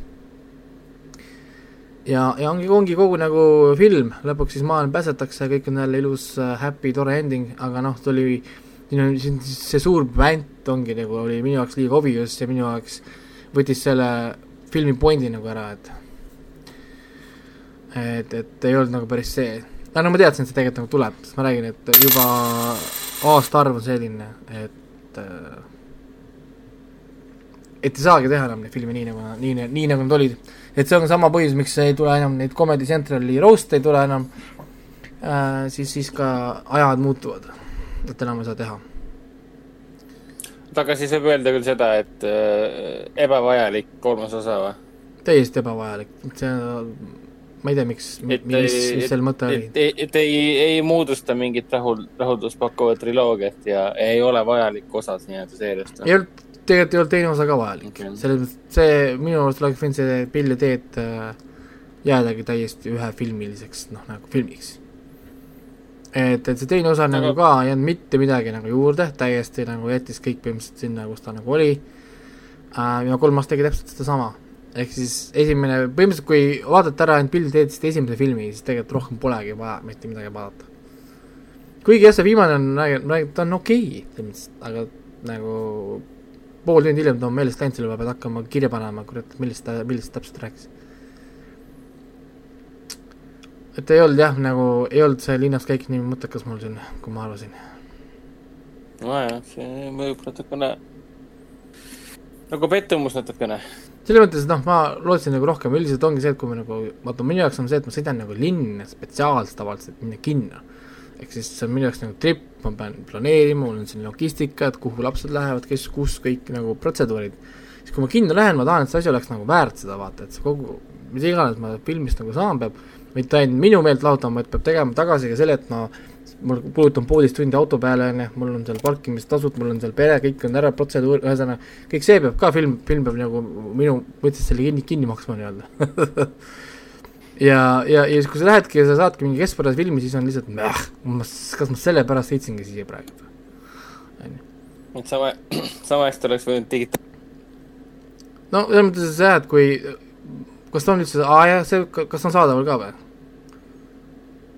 Eestis mitte, aga muidu küll, jah. ma tean, vot noh, võib-olla tõesti, võib-olla siis äh, jah, peaks vaatama, tegelikult nüüd peaks hakkama arutama ennast ideega, et kinofilme võib vaadata ju Netflixides asjadest, sest äh, pooled nendest on juba ju müüdud maha ju nendele äh, streaming plat-, platvormidele, et. Et see on jah, nüüd ka uus asi jälle ju, et, et enam ei tulegi kinodesse, vaid lastakse otse streamingutesse välja või siis osaliselt lastakse streamingutesse välja, nagu Mulan siin tegi et osa maailma peaks nagu kinos vaatama ja osa peaks maksma siis nagu veel ekstra raha või nagu oma sub-, subscription'ile otsa või, mis on ka mm -hmm. ma ei kujuta ette, et tuleks no, Netflixi film, ütleks sama Devil all the time ja küsiks su käest kakskümmend eurit seda vaadata. noh, sellest me saame natuke mainida, aga eks ma etteulatuvalt võin öelda sulle, et äh, Disney enda väitel siis üheksa miljonit äh, kasutajat, äh, kes olid juba Disney plussi kasutajad ja mingi protsent nende hulgast tegid uued äh, kasutajad endale, äh, maksid siis esimese kahe nädala või üheksa päeva jooksul äh, kolmkümmend dollarit. ehk siis Disney, Disney crap. teenis Mulaniga üheksa miljonit korda siis kolmkümmend dollarit üheksa päevaga. kakssada seitsekümmend miljonit, rohkem kui ja. filmi eelarve on rohkem kui filmi eelarve ja see on juba rohkem kui, kui see, mida on Tenet kokku korjanud üle kogu maailma. Tenet on kokku korjanud kakssada viiskümmend miljonit üle kogu maailma, kolmkümmend kuus sellest on siis USA-st, kuna USA kinod on endiselt halvas seisus äh, pandeemia tõttu.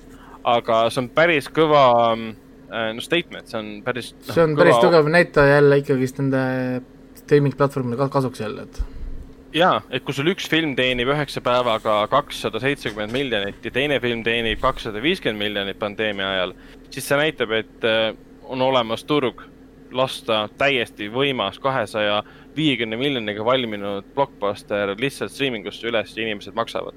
see ongi, see on, see ongi tegelikult, mida Netflix teeb ja ta toodabki kalleid filme ja panebki ülesse ja, ja no täpselt, aga nad muidugi jah, ma ei kujuta ette, et Netflix nüüd ütleb meile, et tuleb, ma ei tea, The Witcheri järgmine hooaeg, et ma pean iga episoodi eest eraldi ei, aga lihtsalt tõenäoliselt yeah. on, on, on see, et Netflix tõstab hinda, vaata. kui konkurendid tulevad kogu aeg, HBO Maxid, asjad, kes kõik on kallimad kui Netflix, Netflix on siiamaani üks odavamaid äh, platvorme, ärme seda, seda unusta. siis ja, äh, teised on enamasti kõik kallimad, kaksteist üheksakümmend üheksa ja mingi neliteist üheksakümmend üheksa ja mingid muud hinnad, siis arvatavasti Netflix, ma arvan, äh, nüüd aasta või mingi aja jooksul siin tõstab enda hinda mingi kolm-neli euri. aga mõtle, kui Netflix tõstab kolm-neli euri hinda siis Netflixi jaoks on see ju automaatselt, mis on siis seitsesada miljonit eurot äh, aasta, kuus juurde. jah, isegi kui nad tõstavad mingi minimaalse summa tõttu Kaks, äh, summa ka, isegi see on nagu jaoks suur võit. jah, et kui nad, kui nad tõstavad äh, pool miljonit äh,, ei, pool euri tõstavad siis nad, siis nad teenivad umbes sada miljonit kuus rohkem. uskumatu vist. no ja siis. Neil pole häda midagi ne, nemad ei ole uus tulija nagu Disney, noh. aa, ja, ja, ja, ja siin oli ka sellega ka, et see Youtube on ju see premium et, et umbes tehakse kogu aeg nalja ja meemid ja värgid, et äh, keegi ei taha seda kasutada ja keegi ei tule. ja Youtube Premiumil on kolm korda rohkem kasutajaid põhimõtteliselt, kui on äh, Netflixi kasutajaid. onju, ehk siis jälle, et, et äh, Youtube natukene minu arust on maganud maha selle, et, et oma selline suur tugev streaming platvorm välja lasta mm et, et, et neil oli tegelikult eelis, neil oli kasutajatega eelis, on ju, aga nad on oma kasutajad ära hellitanud teatud nagu tasuta content'iga, vaata. siis kuidagi nad nagu magasid natukene maha, neil on ju raha ju tohutult, on ju, Google'i ju on ju, on ju emafirma. ja, ja magasid nagu tegelikult maha selle, minu arust. noh, täna neil on nii raske nüüd nagu sellesse mängu tagasi tulla, noh nagu et, et, et kuidagi veenda inimesi, et, et nad saaks nagu seda content'i rohkem teha aga lihtsalt seal on nii suur kasutajate arv taga, et noh, veits on nagu uskumatu, et nad ei ole nagu rohkem või ma ei tea, suuri filme, asju teinud, et see, kui lapad seda Youtube Premiumit, seda nende nagu originaal content'i, siis kuidagi niru on see valik seal. et, et ei tea jah, et äh, täna lihtsalt nad loodavad, et see premium piisab selleks, et sa saad telefonis seda taustal kuulata ja saad äh, ta, kasutada seda Youtube'i muusika äppi, mis on parem kui Spotify, on ju. Või siis lihtsalt umbes, et sa vaatad ilma reklaamideta Youtube'i, et loodavad siis selle peale või ma ei tea. kus on content Youtube, tee veel Cobra Kaisid.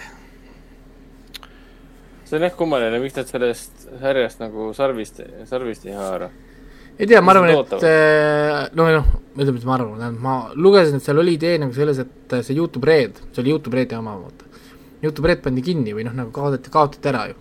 Nad muutsid selle. Youtube Premiumiks ja ma saangi aru, see oli vist märk sellest, et nad nagu andsid alla või nad loobusid sellest võidujooksust siis Netflixide, Hulude, Prime videode ja asjadega vaid nad läksidki seda teed, et olgu, las nemad teevad, meil on nüüd oma premium, me lihtsalt pakume, suurendavad seda, mida nad pakuvad nagu muul kujul. seesama ongi, et sa saad selle muusikaäpid ja need muud asjad, vaata.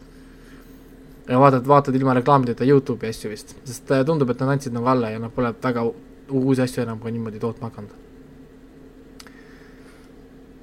Nii et jah, tundub, et neile, neile, neile piisab oma miljonitest ka muul kujul.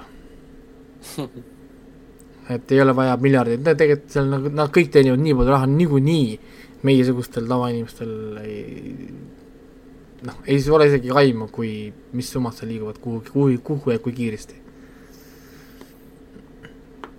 et jah, aga, aga jah, kakssada seitsekümmend miljonit, ma räägin, Disney, Disney pluss on ka üllatav tegelikult, kurat, kui, kui eriti USA-s, ma olen üllatunud, et ikka Ameerikas ikka nii suur nagu keskkond on ikka see nagu Disney jaoks, et nad suudavad ikkagist nii palju Ameerikast ainult nagu teha, müstiline tegelikult. üheksa miljonit kasutajat, jõhker. jaa, aga läheme edasi kinofilmide juurde ja, ja Hendrik räägib meile mõne sõnaga Rainist, mis on Eesti film, mina räägin siis mõne sõnaga Prasnikust, mis on, mis on Eesti film, mis me saame kahekesi rääkida. Antebellum äh,. Ant-, Ant-, Ant-, Antebellumist äh,. Hendrik, kuidas oli uus Eesti film äh, Rain, mil, mis on siis režissööri Janno Jürgensi täispikka, täispikka filmi debüüt? jah, debüütfilm, ta on sama nimel ei, mitte samanimelise, vaid samateemalise lühifilmi tegelikult juba teinud. kui ma ei eksi, siis selle filmi nimi oli Distants. on mul õigus, Ragnar jah, Distants.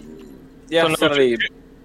ka seal Indrek Ojar oli peaosas ja Hans Zimmeri muusikat äh, veits äh, kopeeriti. kasutati vist, kui ma nüüd õieti mäletan, see oli nii ammu aega tagasi ka. aastast äh, kaks tuhat kaksteist oli see pärit äh,. Rain on jah, põhimõtteliselt äh, kahju, et ta muidugi näinud pole seda, selles suhtes. ei, ma olen nagu ka. saaks nagu laiemalt rääkida sel teemal. et äh, ja, no see on üks nendest filmidest, Eesti filmidest, mis sarnaselt koos selle Veiko Õunpuu uue filmiga, mis nüüd järgmine nädal alustab, ehk siis, äh, mis ta on siis, kahekümne viiendal septembril või? Äh, ta pidi kevadel linastuma, aga koroona tõttu lükati edasi ja siis need kaks filmi tulevad siis otse siin äh, sügisel, septembris välja. jah, et Indrek Ojari äh, mängib äh,, ütleme nii, et äh, mängib talle väga omast, omast tegelast nii-öelda, ehk siis probleemset äh, nii, nii alkoholiga probleemsed kui ka, ka, ka suhetes äh, probleemsed äh, noormees, kes naaseb tagasi äh, oma vanemate koju või noh, oma lapsepõlve koju, kus teda ootab siis ees külm ja niisugune väga range, kauge isa, mm, siis eh, ema ja muidugi ka väike vennakene. üldjoontes ongi siis kogu lugu sellest eh, mm, isa ja isa, isa ja poegade suhtes põhimõtteliselt. visuaalselt väga ilus, näitlejad väga hästi teevad tööd.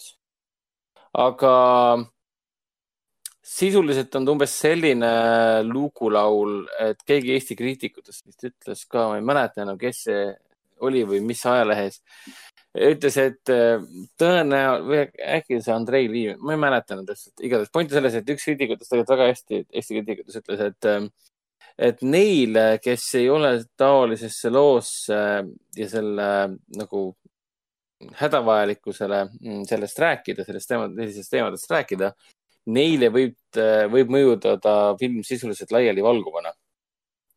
ja, ja aga neile, kes on midagi sellist läbi elanud isiklikult, neile võib see mõjuda nagu rusikas silmaauku.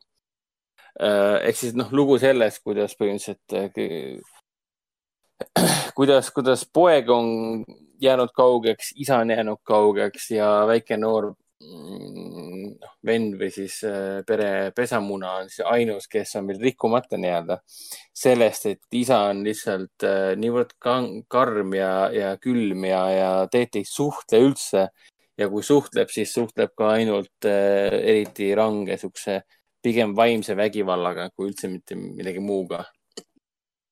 kas sul on mõni Et,, mõni näide ka või mida see tähendab?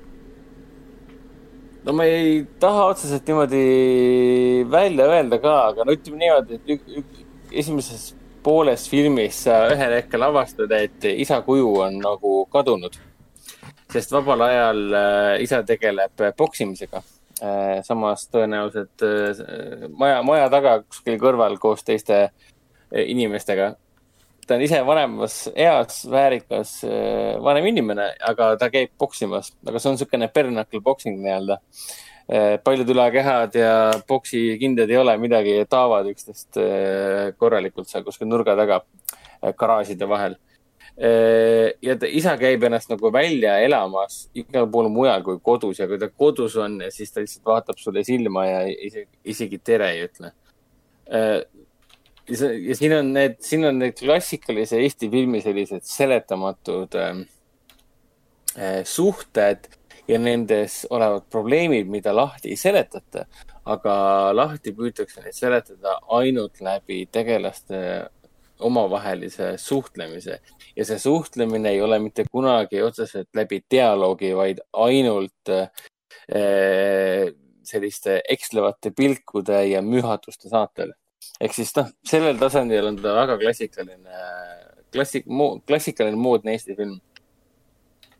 et selle koha pealt ma võin öelda küll, et äh, ma ootasin sellest filmist ikkagi tegelikult väga palju. ma ootasin, et on selline meeleolukas draama, siin on palju lapsepõlve ja palju seda aega, mis tuleb pärast lapsepõlve, siin ongi püüdnud neid asju kokku panna et äh, justkui Indrek Oojari tegelane ja Margus Porkmann mängib siis Atsi ehk siis tema venda, venda. et siin need kaks tegelast justkui suhestuvad omavahel niimoodi, nagu äh, väike vend äh, elaks läbi seda lapsepõlve, mis tegelikult Indrek Oojari tegelasel juba oli. ja siis omakorda see väike laps näeb, noh, Rain on siis see vend, Indrek Oojari siis väike, väike vend siis näeb oma venna põhjal seda, et milliseks tema peab muutuma, ehk siis see on selline kurblik lugulaul nii-öelda, luigelaul nii-öelda ühe, ühest perekonnast. aga kuna ta taaskord toetus liiga palju sellele klassikalisele Eesti filmile, kus väga palju jääb ütlemata, räägivad ainult pilgud ja, ja lõpuks see muutub kuidagi nii rangeks viisiks, kuidas üldse mingit äh, suhtedraamat jutustada, siis ta tõesti, ta mõjub äh, laialivalguvalt ja tõesti lõpuks ta, lõpuks tekkis endal ka tunne, et äh, issand jumal, mul on ikka vedanud, et mul äh,, kui mul vanematega koos on mingid äh, peod või istumised, siis ei, meil piinlikku vaikust ei ole, et äh, ausalt, ma omast kogemusest võin öelda küll, et ma ei ole käinud mitte ühegi äh, lapsepõlves tähendab siis, et ühegi oma sõbra äh, juures, kus vanemad või seal on mingisugune il ilgelt range kord või kõik miskipärast ei salli üksteist ja, ja, ja tulemus on see, et mitte mingit elu või mingisugust äh, rõkkavust ei ole. et noh, ma olen, ju siis ma olen, ma saan nüüd kolmkümmend, ju siis ma olen nagu vähe elanud, et noh, et selle filmi, filmi põhjal tekib tunne, et kurat, need eestlased muud ei tee, kui vahivad lakke, kui nad saavad tähtpäevadel kokku. mitte mingit suhtlust ei ole, kõik vihkavad üksteist ja, ja, ja keegi, mingit, mingit suhtlemist ei ole, kõik on, kõik on hall, kõle ja vastik ja kole ja nii edasi. aga, aga Aga aga aga tegelikult, tegelikult nii ongi jah, sest mul minu isa Jah., isa oligi nii, et mis asi see rääkimine no on. näed, noh, no näed, no see, see ongi pigem siis äkki hoopis Ra Raiko film, et noh, kuna mul seda kogemust ei ole olnud, siis ma ei saa ka otseselt samastuda ja tänu sellele muutus ka laialivalguvaks. aga samas äh, äkki Raiko vaatab ära ütleb, et türa. autobia-, autobiograafiline, noh. kuidas? bio-, biograafiline teos. No, no täpselt noh, et eh, sellepärast ma ei saagi öelda selle filmi kohta, et mulle ei meeldinud, et ta niimoodi oli tehtud. ma pigem ütleks seda, et eh, see on raskel teemal tehtud selline küllaltki köitev film, aga see on kindlasti väga-väga individuaalne, väga niisugune eh, kindlasti mitte objektiivne töö, et kindlasti Janno Jürgenson siit ähm, ühel või teisel viisil ka midagi endast kaasa võtnud ja ta on mul plaanis noh. plaanis vaadata küll, et ma järgmine nädal, mul on jälle plaanis vist kuus filmi vist kinos vaadata püha jumal. ma loodan, et ma, noh vähemalt alguses, kui ma planeerisin muidugi, et ma vaatan järgmine nädal kuus filmi, siis mul oli äh, lapsi vähem, kui mul praegult on. nii et äh, eks see eks see eks see näha ole, kuidas see välja tuleb, igal juhul mul on Antebellum mul esimene listis, vähemalt sellest ma alustan, siis vaatab edasi, kas ma muud, muud ka jõuan või mitte. aga Rain on muidu listis, et ma tahan küll näha seda, aga lihtsalt ma loodan, et ma jõuan sinna ka. jah, et Rain äh,, ütleme nii, et debüüt mängufilmi kohta võib öelda küll, et äh, andekas, andekas debüüt selles mõttes, aga ütleme niimoodi, et ma ikkagi juba treileri ja näitajate põhjal ootasin küll, et sellest tuleb niisugune tihedam ja niisugune kenasti läbimõeldud andmine, mis puudutab nii-öelda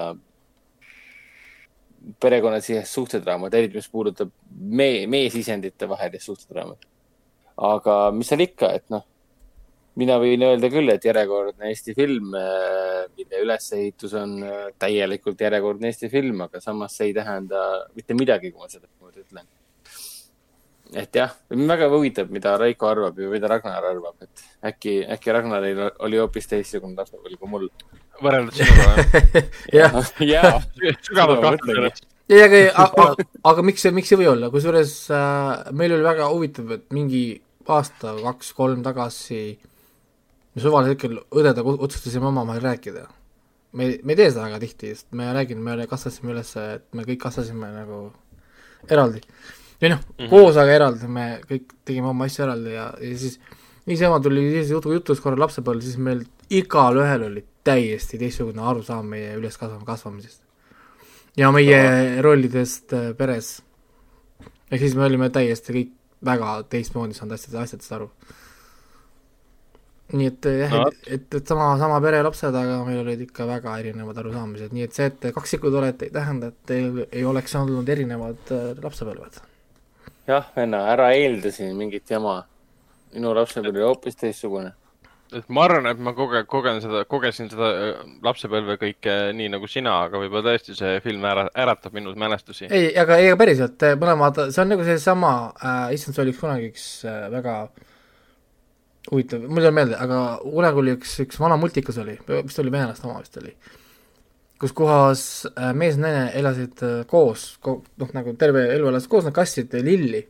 lillid olid hästi ilusad, värvilised äh,, mingi vikerkaare värvid ja, ja, ja asjad. ja omavahel rääkisid kogu aeg sellest sinine lill ja punane lill ja mees muudkui käib ja kastab ja, ja, ja alles lõpuks tuli välja, et mees oli tegelikult terve elu olnud värv, värvipima, tal pole lõrna ammugi, millest naine räägib. Mhm. et, sest ta polnud kunagi küsinud, sest mees arvas, et see peabki nii olema. et see Aa, naine et see naine näeb samamoodi nagu tema. Wow. aga, aga, aga see ühe, ühe, ühe korra tuli vist välja niimoodi, et need on ju sama värvi ju või need on tegelikult sama ju. ei ole, see on järg, see on see, see on sama värvi kui taevas ja ongi ja siis see tuli nagu see õpetus, et et peaks rohkem rääkima ja omavahel selgitama, et, et me räägime samadest asjadest, me arvame, et me räägime sam- samadest asjadest. nojah, et kui mina ütlen, et taevas on sinine, inimene, kes ei tea, mis asi on sinine, vaatab, et see on hall, siis ta arvab, et hall on sinine. No. jah, ja siis tema terve elu nimetab äh, hallis, hallis siniseks. jah, täpselt, et kontsep-, kontseptsioon, tema arusaam värvist on hoopis teistsugune, aga ta ei saa sellest aru. teised ei saa sellest aru, sest keegi ei tea, noh, keegi ei jaa, tea. et selles mõttes jah, lihtsalt äh, et äh, Eesti, noh, Eesti filmid on alati niisugused, ma olen üldse, ma ei tea, kas Eesti filmi vastane on õige öelda või? Mulle ei meeldi Eesti filmid tavaliselt, väga vähe, väikeste erinevustega. eks põhjus ongi nagu noh, nagu, nagu see, et esiteks on see vingumine, on ju, mis iganes Eesti režissöör peaks kuulama seda, siis lõpetage see vingumine ära, on ju. kogu aeg on see, et neil liiga vähe raha või väiksed eelarved bla,, blablabla, samal ajal Lõuna-Korea ja muu maailm viskab kunstifilme välja, mis tehakse ühe kümnendikuga sellest rahast, mis, mis meil siin Eestis antakse nojah, ehk muidugi. siis see on ainult vabandus, on ju. ja, ja, ja, ja teine asi, mis ongi mind ilgelt häirib see, et eestlased millegipärast otsustavad kogu aeg, et millegipärast meie film peab olema sügav, mingi dramaatiline, mingi kuiv, mingi niisugune veider arusaamine, mingi noh, topitakse sinna kihte. miks sa lihtsalt ei tee, ma ei tea, tee mulle mingi slasher, horror, õudukas lihtsalt näiteks. noh, palju sul raha vaja on selle jaoks, et, et kõiki oma sõpru ja tuttavaid ära hakkida, noh, ma ei tea. no ähm, Urmas Eero Liiv seda tegi ju. nojah, aga tehke veel. tehke, tehke, tehke mingi, Keeles näeb, palun väga, Keeles on maha jäetud suur haigla, üks Eesti suurimaid haiglaid maha jäetud. minu arust see karjub praegu kummitusfilmi järgi. halloo, nagu noh, meil ei ole ainult No üks, meil- üks žanr Eestis nagu, meil ei ole muid asju ka, meil ei ole klassi kokkutulek ja meil ei ole seesama ma ei tea, Kertu ja Rain whatever. Eesti klassikaline film, paneme nim-, kellegi nime filmi pealkirjaks, noh. et, et nagu veitsa, veitsa nagu tahaks, tahaks ma arvan, et, ma arvan, et äh, selles mõttes, et äh, Raiko vaatab Raini ära ja siis äh, ja siis, ja siis kirun, ja siis kirun. siis kirud ja täpselt. aga liigume edasi järgmise Eesti filmiga, milleks on siis Pražnik, mis on siis tund, tund kaheksa minutit pikk dokumentaalfilm, režissöör Vladimir Loginovilt. film ise siis räägib äh, Maardu sügisfestivalist, mis nüüd siin eelmisel nädalavahetusel toimus, toimus üheksateistkümnendat korda. see on siis seitsme aasta tagune minevik sellest festivalist, et see ei ole mm, seitse aastat tagasi või? see on seitse aastat tagasi, et see ei ole, see ei ole sügislaada areng seitsme aastat minevikust olevikku, ei, see on seitse aastat tagasi. siis, kui see festival oli natuke hoopis teise suunaga kui praegu. filmi, filmi mõte on põhimõtteliselt näidata öö, Eesti võib-olla publikule veel enam, et on olemas selline festival, on olemas selline, selline, selline suur sündmus Maardus, et mina sellest ei teadnud absoluutselt mitte midagi. ma olen Maardus käinud, aga ainult ühe korra ja ma arvan, et ma ei ole üksi, ma et väga paljud teadnud, et selline suur sündmus on toimumas, kus ikka mitu tuhat inimest läbi käib, seal on suur laad, seal on, müüakse igasuguseid huvitavaid häid, häid asju, saab juua, süüa, nii nagu õllesummeril. Aga põhiasi, mis seal vanasti oli, seda enam, enam sellisel kujul ei ole. me, siin, siis, me, me sinuga käisime ju kunagi Maardus ja esimesel võimalusel saime, saime peksa. me tut-, ei, mis asja peksa, see on tut- tutvumine, tutvumine kohalikega. läbi selle, läbi selle, et sa saad rusikaga näkku nende käest. igatahes, lähme, lähme tagasi filmi juurde. aga film, film jah, räägib siis Maardu, Maardu laadast seitse aastat äh, tagasi ja põhirõhk on siis, oota, üks põhirõhkudest, ütleme nii, on siis, on siis Maardu missi valimisel. et seitse aastat tagasi oli väga-väga suur osa siis sellest Maardu, Maardu sügislaadast oli siis äh, missi valimine. Ja seal olid ka lapsmissid, kes, kes siis esinesid seal, film ise on mustvalge siis dokumentaalfilm. Ja seal olid ka lapsmissid, kes olid mingid, ma ei eksi, üheteist, kaheteist, kolmeteist aastased, esinesid seal sellisele laada publikule, kelle hulgas on inimesed, kes on noh, purjus ja vanemad inimesed, mehed ja naised kõik segamini. laada publikule esinevad siis üheteist, kaheteist, kolmeteist aastased tüdrukud, kes kannavad siis mingeid, mis need on siis sellised ähm, kõhutantsijate riietusi ja väälevad seal, et see oli, seda oli väga ebamugav vaadata ja režissöör ja siis, siis produtsent ise ka nagu tõid selle välja, et see oligi selline asi, mida tehti ja nemad tahtsid seda kujutada. Et selle dokumentaalfilmi võlu võib-olla seisnebki selles, et see ei ole rääkivate peade dokumentaalfilm. kellegi käest ei küsita küsimust ja, ja sa ei kuule küsimuse esitamist ja keegi ei vaata sulle otse kaamerasse ega räägi midagi. kõik on jäädvustatud jooksu pealt tihtipeale inimesed ei tea, et neid otseselt jälgitakse, nad on ametis omade asjadega, nad teavad, et kaameramehed on juures, aga nad ei tea, mida nad täpselt filmivad ja kõik see. pigem selline aus värk või?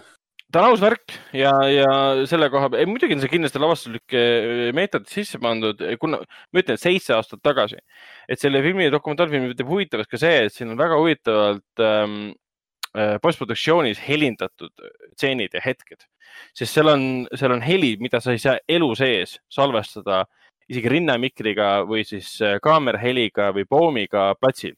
Siuksed helid, et see on näha, et see on kohe isegi väga silmatorkav postproduktsioonis helindamine, mis oli helimontaaž, mis oli seal ära tehtud, aga see oli vajalik, et lugu edasi kanda. ja lugu ongi siis äh, alguses me näeme lihtsalt seda laadamelu ja miks see laat üldse toimub ja kõik see, et Gogoli plakat on püsti pandud ja Gogoli kostüümis tuleb siis härrasmees ka kohale, et kõik on hästi õnnelikud ja särevad ja kutsuvad inimesi pidutsema ja siis läheb fookus, läheb ümber siis kohalikule siis treenerile, õpetajale, daamile, kes siis õpetab Maardu naisi. neiusid, kuidas saada siis Maardu missiks, ehk siis õpetatakse ära kõik, kuidas pead laval liikuma, kuidas tegema käituma ja kõik see. ja, ja see on väga veider pealt vaadata, kuidas inimesed ise nagu on kohati kohkunud nägudega, kõik, kõik võtavad seda nii tõsiselt, et Maardu missiks saamine ongi väga oluline asi ja kõik räägivad ka seal see mm, Maardu toonane linnapea, kes nüüdseks meie hulgast lahkunud Põstrov äh, ja väga paljud teised, kes laval nagu räägivad Maardu festivalist, ütlevad ka, et see on väga oluline festival, maailmas meid teatakse, Euroopas meid teatakse, Ukrainas, kuna see on Ukraina kultuurifestival, siis ta on Ukraina mm, rekordite raamatus ka kui üks kõige kauem kestnud äh, Ukraina teemaline festivali väljaspool Ukrainat. Ja suurimad ka vist on. jah, aga see on nii kummaline vaadata, kuidas kõik võtavad seda tõesti nii tõsiselt, nagu nad oleksidki maailma mastaabiga festival. Nad oleksid maailma mastaabiga nagu missivõistlus, mida ta tegelikult ilmselgelt ju ei ole, me saame ju seda loogiliselt hinnata juba. no jaa, aga nende jaoks on oluline, see on ju jumala okei. seal isegi käib läbi lause ka, kus üks ütleb, et Maardus on äh, põhimõtteliselt kõik olnud missid. et sa ei saa, sa ei saa Maardus olla naine, kui sa ei ole olnud Maardu miss.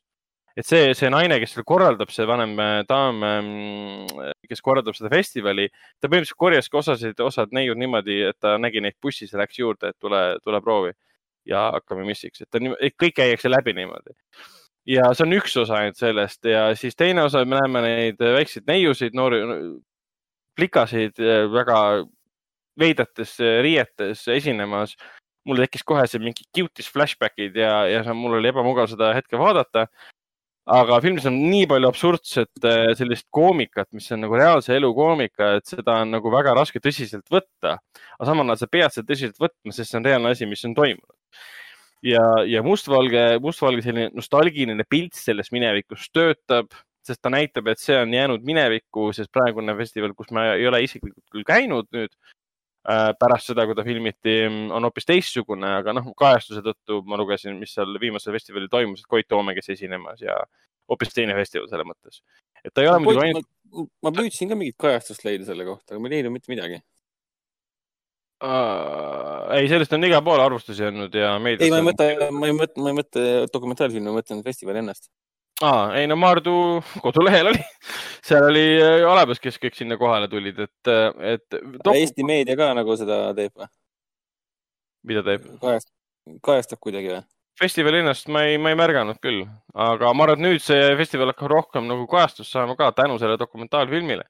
et ta on võrratult kokku pandud, võrratult lavastatud, huvitavalt kadreeritud, helindatud.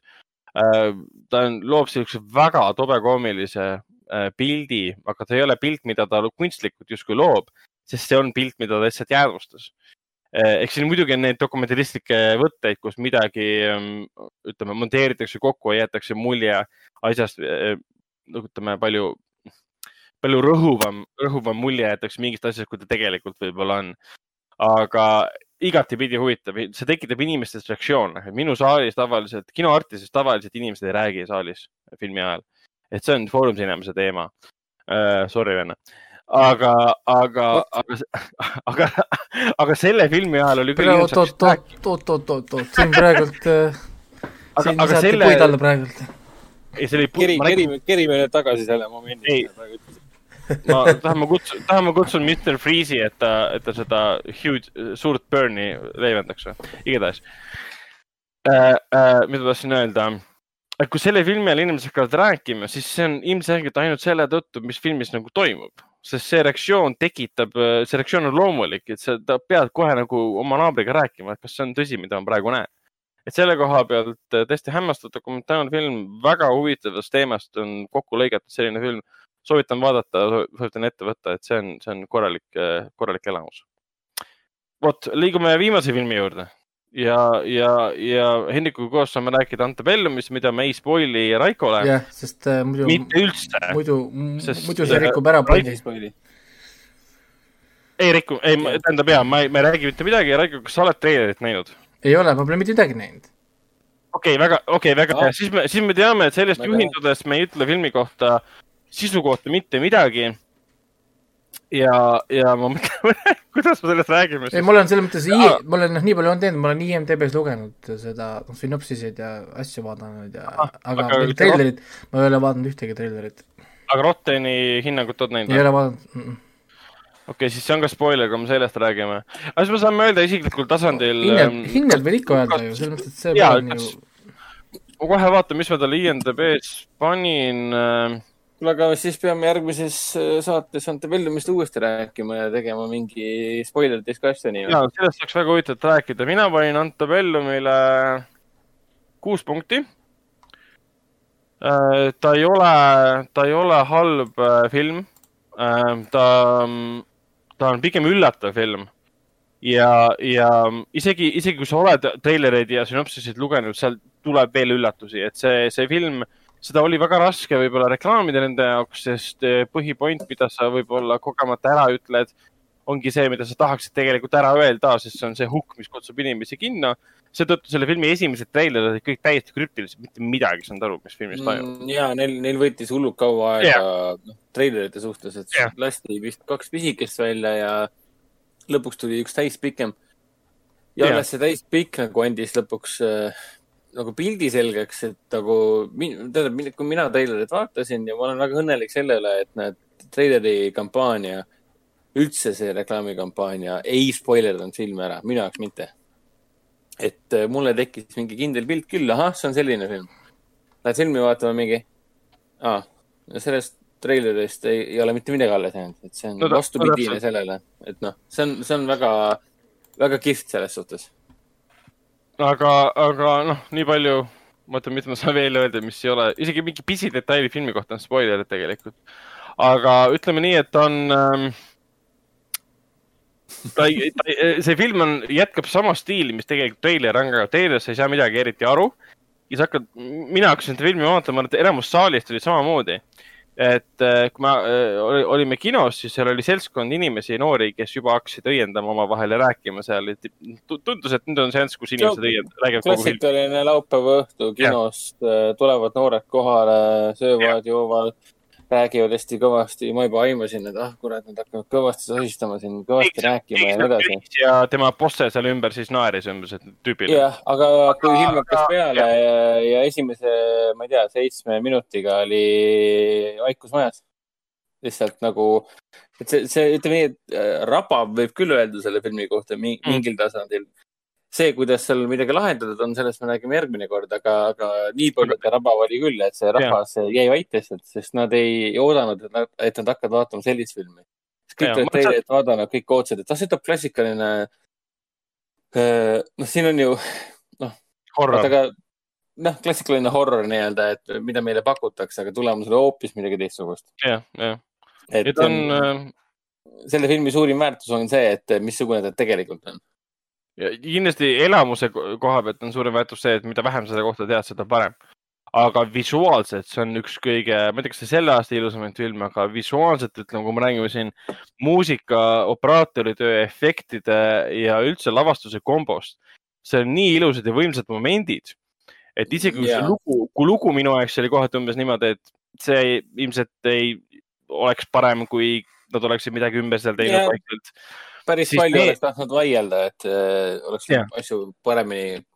siis visuaalselt, siis need visuaalsed võimsad momendid, eriti, eriti, noh, see on väike siis spoiler, eriti nagu, eriti nagu, ma ei taha, ma ei taha spoilida, ei.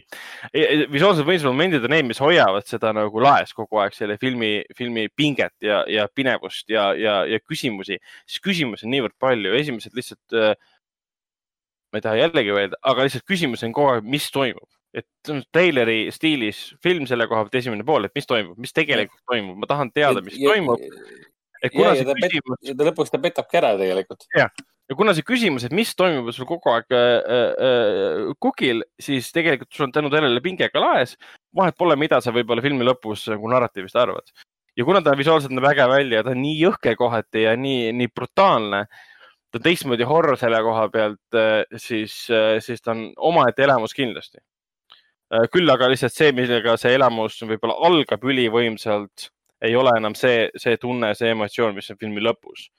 aga mina kiidan selle filmi heaks, olgugi et ähm, tal on väga palju nagu probleeme, mis puudutab äh, filmi lugu. aga see on hoopis teine teema, mida me saame siis ka järgmises saates, kui, kui, kui Raiko on filmi näinud äh,, pikemalt arutada näiteks jah, et jah noh, et, et noh, see on mul esimesena listis ka, nii et selle ma igal, igal juhul näen ära, sest äh, aga Raigo ju seda teema, teemat ju teab, eks, et mis teemaline see film on. nagu ei, ma tean, ma Aga- tean aga, ei ma, ma filmi sünopsist, filmi- sünopsist ma ikka tean, jah.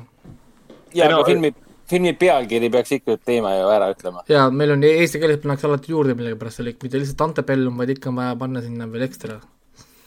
No eesti keele sõna järgi muidu ei saa aru, et mis, mis, värk on nii-öelda. aga jah, et, et nojah, väga palju ei taha öelda, aga siis alati saab ju Google'isse panna sõna antebellum ja saad lugeda, mida see tegelikult tähendab. ja see ongi kogu filmi, filmi teema nii-öelda. ja see, väga hästi ma igal juhul- ma igal juhul, see on mul igal juhul vaadatud, ma tegelikult mul kaks filmi, mis ma tahan ilgelt näha, on see Made in Italy ja siis äh, Antebellum. ma, jaa, ma tahan ka seda väga näha, Made ma in, Italy't mis. ma olen praegult nagu noh, sihtinud nii-öelda nagu noh, esimesteks nagu.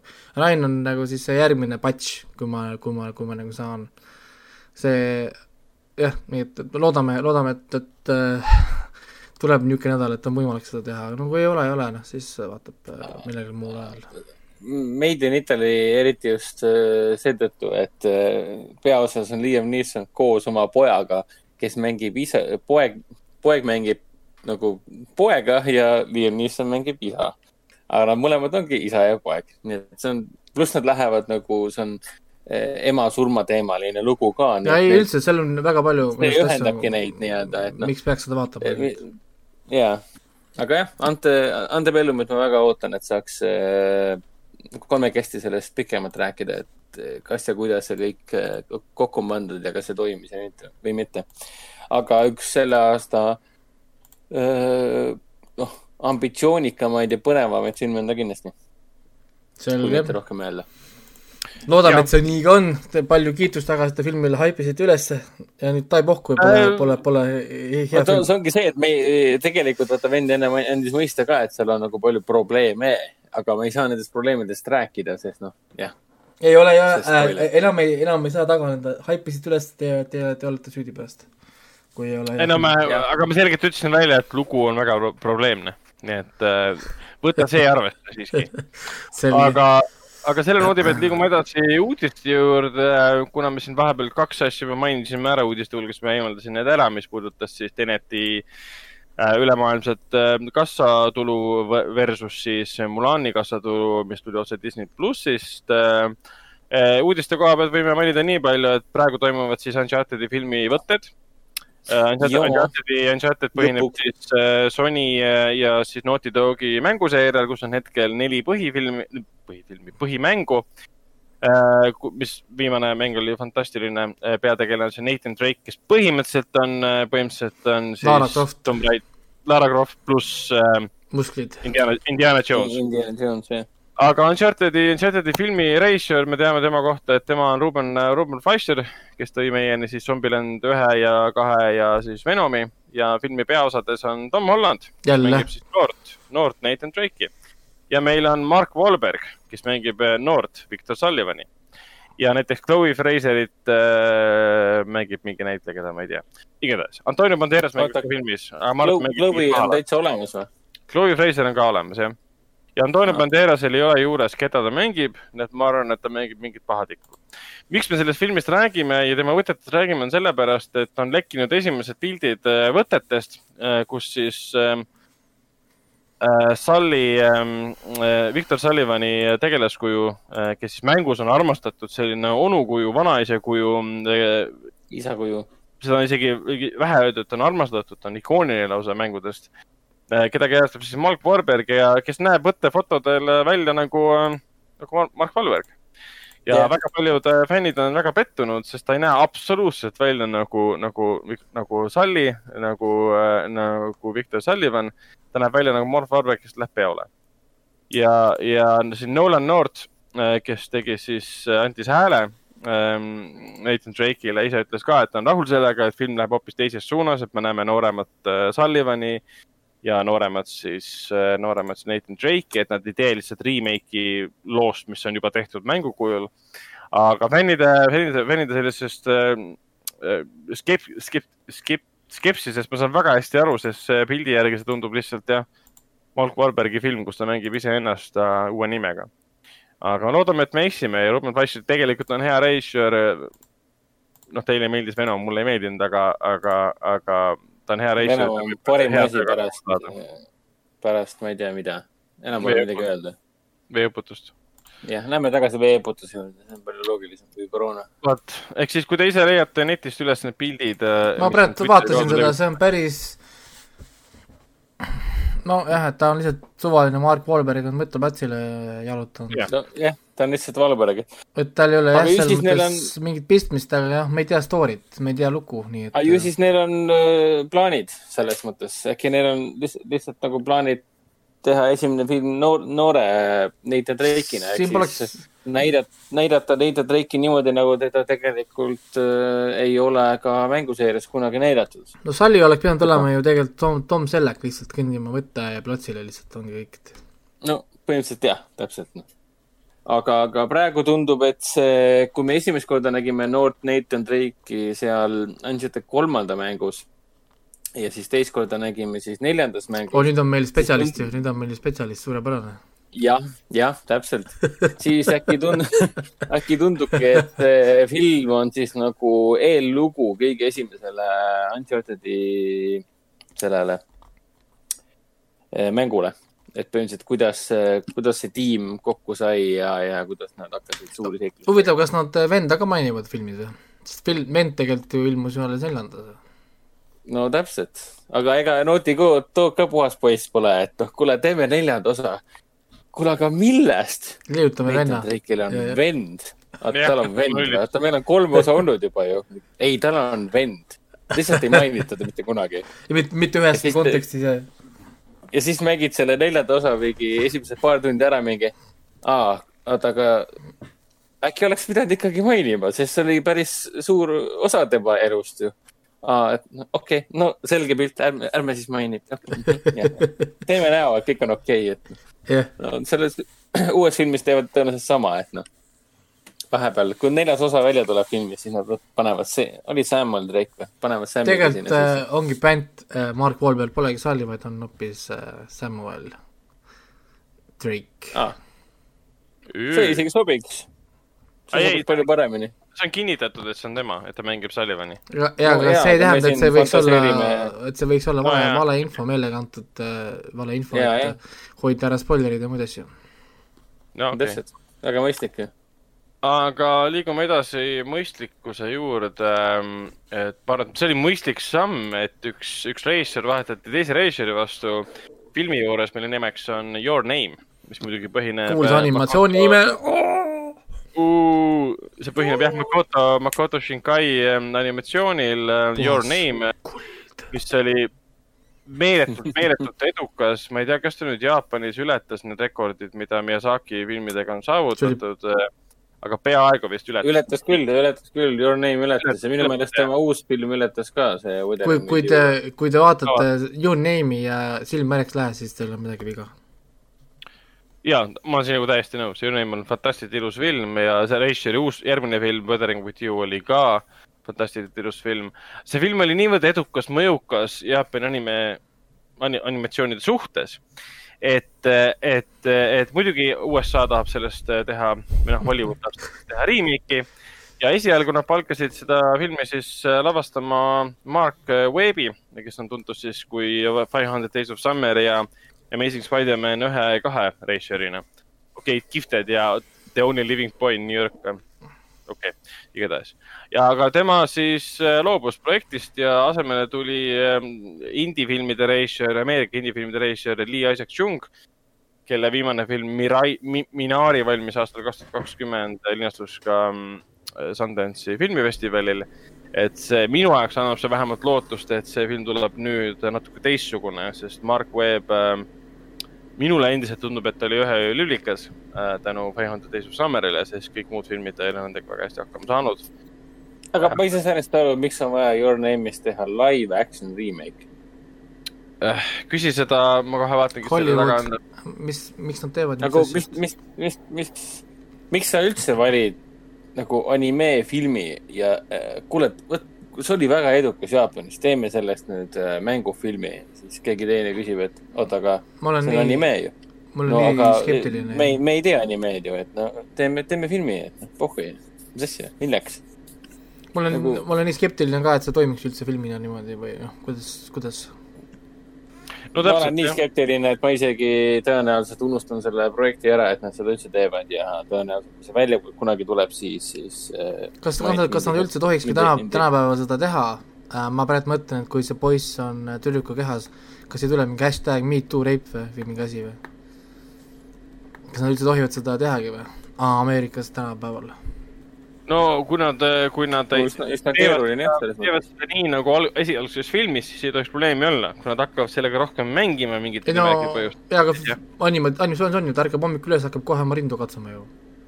no okei okay,, siis no, antud juhul tal pole ju tüdruku konsenti tegelikult, et neid rinde katsuda. ma, ma... ei saa tal ei saa seda olla. Vahet- vahet ei ole. nagu- kehas. vahet ei ole. noor poiss läheb naise kehasse, hakkab ennast katsuma, see on nagu täiesti, täiesti no-no. ameeriklased ei tee seda sellisel kujul. vahet ei ole, seal Ameerikas isegi nad ütlevad ju, et beebil ei tohi mähkmed vahetada ilma, et sul oleks beebi konsent selle jaoks, nii et äh, nii et ma et, kaht- äh,, kahtlen kaht-, kahtlen praegu selle filmi äh, edus Ameerikas. Edu võib ta isegi olla, aga, aga, aga vajalikkust ma otseselt no vajalikkust tal muidugi üldse pole, et lihtsalt vaata originaalset, Your Name'i.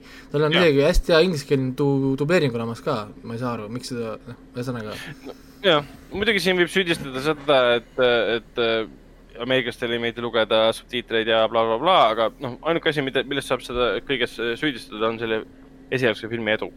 mis äh, tagas selle, et selle vastu tuntakse huvi, et teha remake. nojah, loodame, et siis pole kõige hullem. ma loodan ka ja mis kindlasti pole ka kõige hullem, on The Mandaloriani seriaali teine hooaeg, mis, mille esimene episood tuleb välja juba siis kolmekümnendal viis nädalat., viis nädalat täpselt. teise hooaja esimene täispikk treiler on väljas, see näeb äh, fantastiline endiselt välja. kuigi ma lugesin mingit kahtlaselt saidilt mingit kaht-, kahtlasi kuulujutte ähm,. nii, Hendrik tahtis midagi ma öelda. tahtsin öelda seda, et äh, mina pole midagi vaadanud sellest uuest treilerist, sest noh, mul on siiamaani Mandalorian vaatamata. nii, palun jätka, ma lihtsalt tahtsin mainida, et ma olen, ma olen imelik. et see, et see Hendrik peab kindlasti ära vaatama, me saaksime seda selle üle arutada. aga ma lugesin jah mingi kahtlast saidilt kahtlast, kahtlast kuulujuttu, et väidetavalt olla siis Pedro Pascal, kes mängib Mandaloriani peategelast, keset teise hooaja produktsiooni seriaali juures minema läinud. Ja selle kohta pole keegi kuskil midagi kirjutanud ega rääkinud ja ma ei kujuta ette, mida see siis nagu tähendab, et kas nad tegid lihtsalt teise hooaja nagu lõpuni, kuna point on selles, et Mandalorian ei võta kunagi maski ära, me ei näe Pedro Pascali mitte kunagi. ta võib olla vist ka siin alles ju. kas ta mitte esimese hooaja lõpus ei näidanud oma nägu või? ei. see ei ole spoiler, ei. Mandalorian ei- ei võta maski ära, ta ei näitagi oma nägu jah, see ju, tal ei olegi vaja näidata seda nägu. no täpselt. aga, aga see oli mingi kahtlane sait, mis seda juttu nagu jagas. ma arvan, et selle kohta oleks ammu midagi räägitud, siis ma arvan, et see oli vale jutt, mida kuskilt levitati. aga jaa, kõik näeb fantastiline välja ja Baby Yoda on endiselt äh, väga nunnu. ma arvan, et see Baby Yoda hullus hakkab uuesti peale. et ähm, ma arvan, et siis, kui Raiko läheb siis Halloweeni jooksma, siis oh, see oleks tegelikult ju, issand, see oleks nii lahe ju äh,. Et sinu, sinu beebi on roheliseks võõbatud pikkade päris, vankris, meenutab seda kusjuures see oleks päris kihvt, peaks äh, tegema küll mingisuguse be- beebi jooda kostüümi, kurat, see on päris hea, päris hea idee, ma panen kirja selle endale siia, oota. no vot, no vot, vot, vot, vot, vot. aga räägime, räägime Disneyst veel, nimelt mis, mis siis Marvelist on valmimas Disney plussi seriaal. Mis siis Marvel, kes ei tea, noh, praegu on ta populaarne tegelaskuju tänu äh, Playstation äh,, mitte ainult Playstation, aga uuele videomängule Avengers, mis on selline so-so videomäng. videomäng, jah, see on äh, teenus äh, kui videomäng. oota, kas see uue Marvel's Avengersi videomängu peategelane Kamala Khan ongi Mrs Marvel, Marvel? Jah. ka Jah,, palju, palju sa mängisid seda Aa.? Hen-, ma ei Hendrik pole ole, mänginud. ma, ma, ma ei ole rohkem edasi mänginud. okei, jaa, Kamala Khan ongi Mrs Marvel ja kõik see.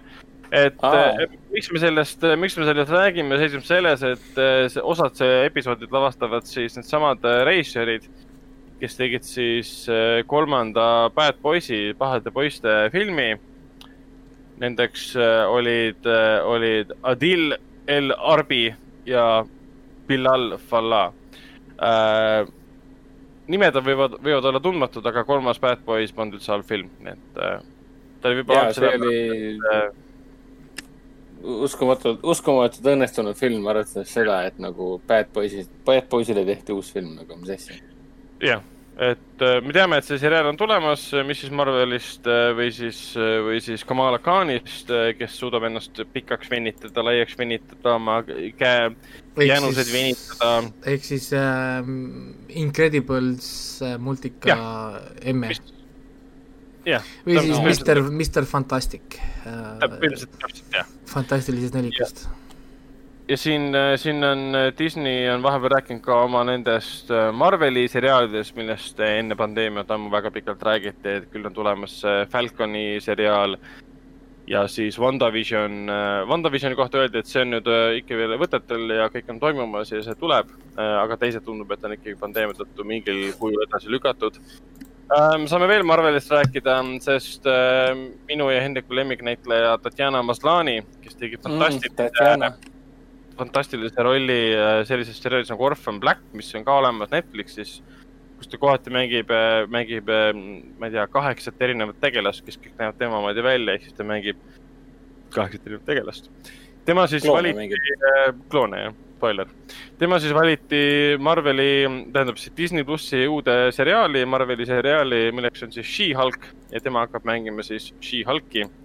nii, ma ei ole She-Hulkiga üldse kursis ja nii palju, kui ma tema kohta lugesin äh,, ta puutub kokku siis Bruce Banneri verega äh,, vere äh, üle, üleandmise käigus. ülekandega, ta on, ülekande käigus. igatahes ta on mingi edukas advokaat, kes siis, kelle, kelle, kelle vend või millegi sugulane on Bruce Banner. seda ma tean.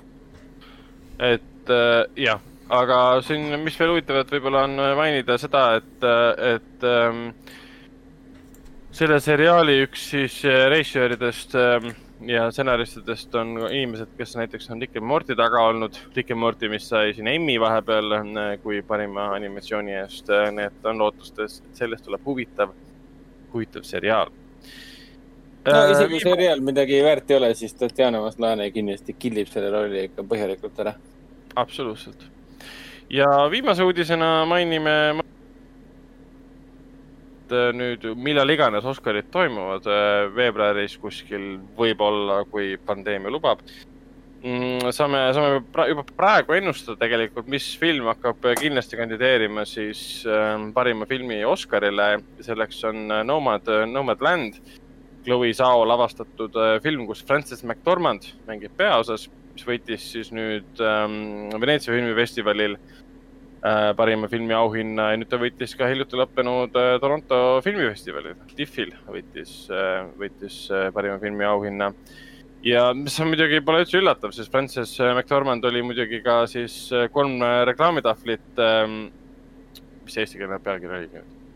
Three Billboards Outside Ebbing, Missouri peategelane ja see film korjas ka päris korralikult Oscareid ja Nomadland ise on, on ka siis äh, naisest, kes äh, elab nomaadi elu pärast seda, kui ta on kriisi tõttu kõik oma asjad elus äh, kaotanud.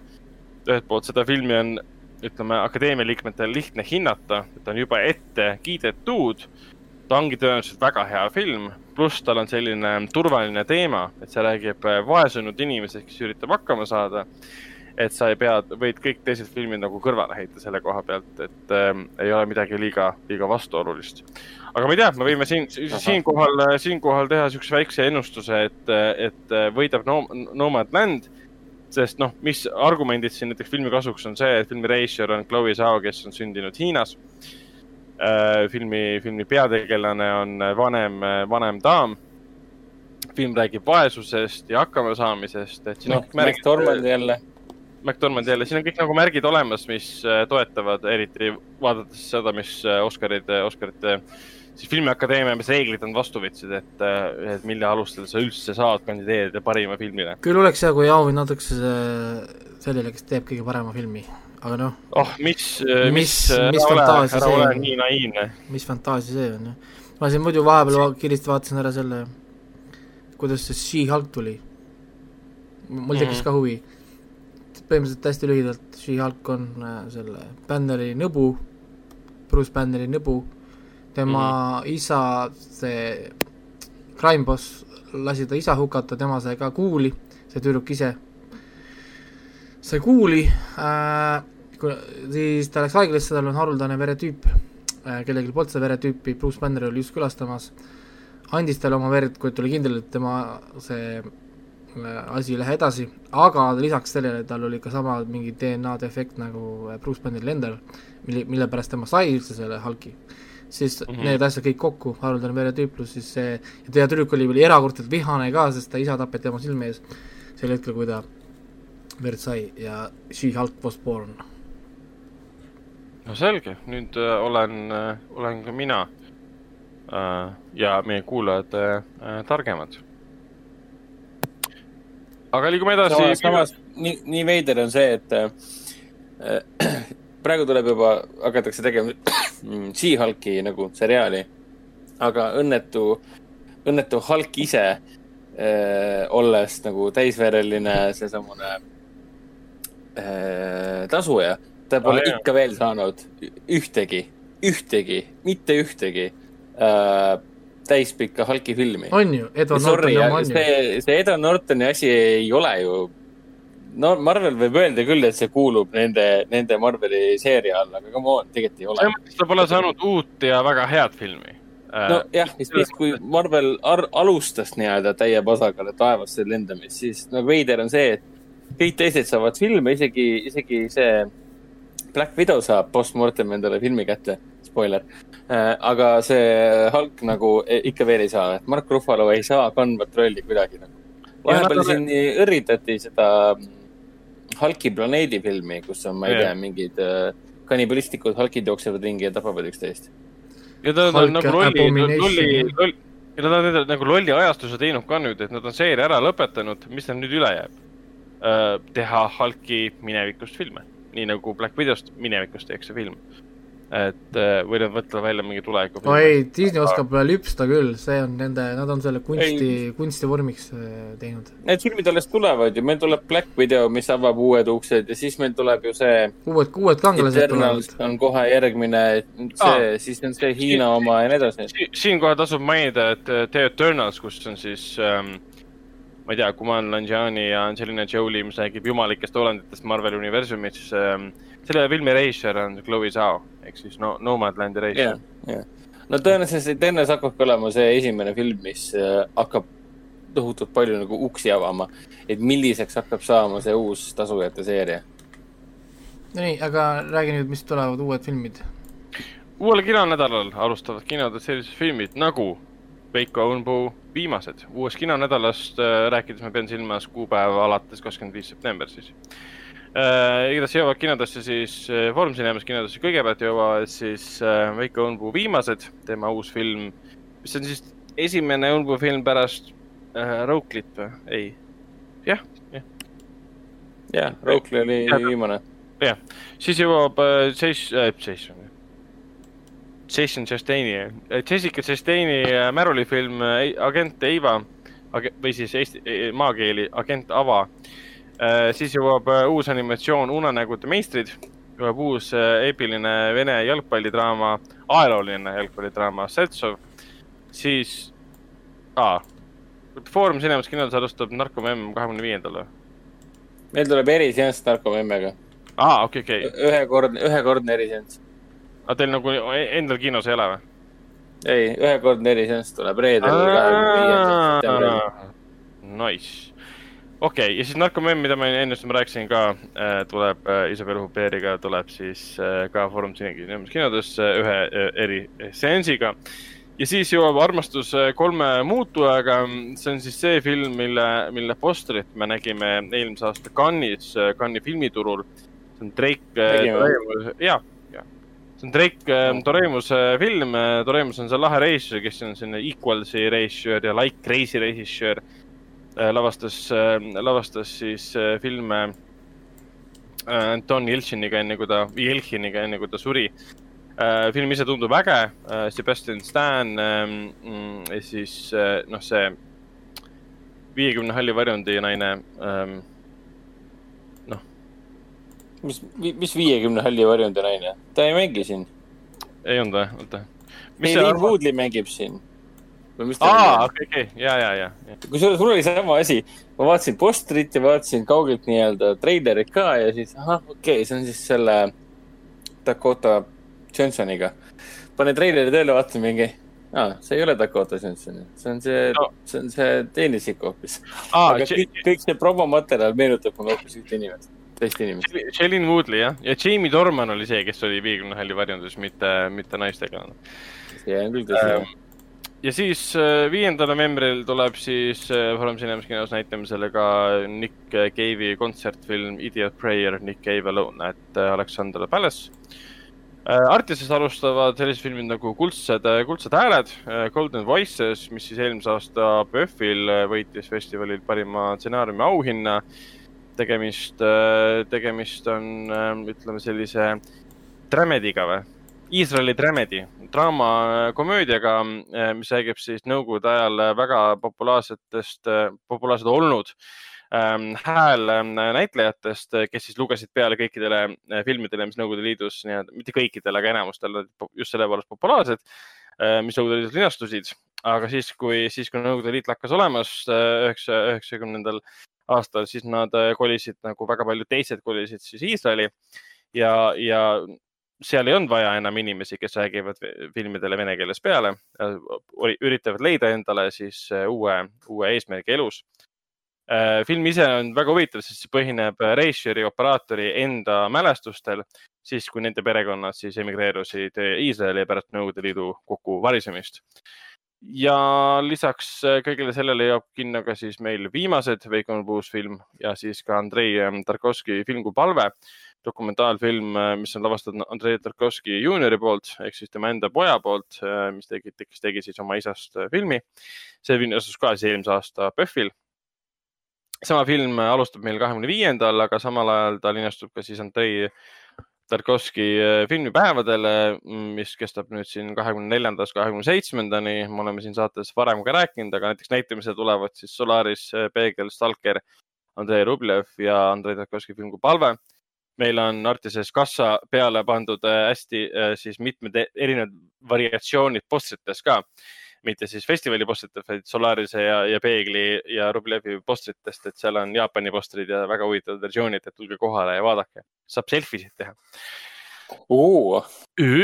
Ja mis meil veel on äh, tulemas, äh, näiteks äh, kümnendast august eh,, augustist, kümnendast oktoobrist kahekümne esimese august eh, kümnendast oktoobrist kahekümne esimese oktoobrini linastub meil Meie unistuste talu Biggest Little Farm mis on väga-väga äh, äge mm, film. ta linastub meil ka muidugi lastefilmide festivalil, mis toimub siis äh, kümnendast äh, kaheksateistkümnenda oktoobrini, kus tulevad enamjaolt näitlemisele siis kõige väiksematele mõeldud filmid ja ka eestikeelse peallugemisega, et Raiko peaks sinna kindlasti tulema.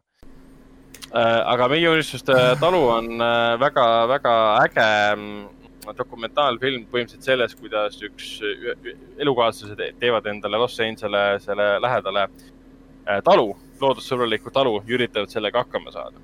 et see on väga selline mm, suuri tundeid, emotsioone, pisaraid, äh, frustratsiooni, läbikukkumisi, õnnestumist täis äh, film ja ülimalt kauni äh, äh, siis pildikeelega lihtsalt, kuidas neid pisikesi nunnuseid, karvaseid äh, põrsaid filmitakse oma elu elamas seal farmis, et see on lihtsalt südantsoojendav ja, ja mis ma tahtsin siis veel öelda, et lastefilmide festivalil äh, meil tuleb näitamisele kokku neli filmi, filmid kõik linastuvad mitu korda, äh, nagu näiteks äh, Paras pähkel lugusid orava maailmast, mis on sõna otseses mõttes siis dokumentaalfilm, aga mitte harjumuspärane dokumentaalfilm oravatest. siis meil on Kokamütsiga Öökull, mis on kõige väiksematele meil mõeldud muidugi ja siis ka Printsi, Printsi merereis äh,, The Princess Voyage, mis on selline äh, oluliselt vanematele mõeldud film, linastub meil nii eestikeelse peallugemisega kui ka siis esialgses keeles äh,, prantsuse keeles ja eesti-vene subtiitritega. mis on selline, meenutab Jaapani animeid, aga ei ole, sest on äh, prantsuse, prantsuse, prantsuse animatsioon. ja siis ka muidugi meie unistuste, unistuste talu kavaga saab tutvuda meie kodulehel. Mis ma tahan veel ära mainida, on Põleva tütarlapse portree, Portrait of a Lady on Fire, mis oli ka eelmise aasta PÖFFil, jõuab lõpuks meie kinodesse siis, meie kinos, kinno, siis kahekümne teisel ähm, oktoobril ja kümme seanssi toimuvad siis neljanda novembrini. Celine Sianma, fantastiline, ülimalt kaunis film. vot liigume edasi Netflixi juurde. Netflixis linastus nüüd Ratchet, mis on siis Ryan Murphy ehk siis American Horror Story looja uus seriaal, mida kriitikud praegu äh, korraliku tuhinaga räigelt maha teevad ähm,. siis jõudis muidugi The Devil All the Time, mida me juba mainisime, mida ka tegelikult kriitikud väga suure tuhinaga maha teevad. aga ma tahaksin kindlasti välja tuua. oota, mida, päriselt või? mõlemad on maha tehtud või? jah aga kas ma tahtsin kindlasti ära mainida ka, et Netflixi jõudis vahepeal juba eelmisel nädalal tegelikult Being John Malkovich. Spike'i on see fantastiline film, mis sõna otseses mõttes räägib Malkovichist, John Malkovichist, Viksiks olemisest.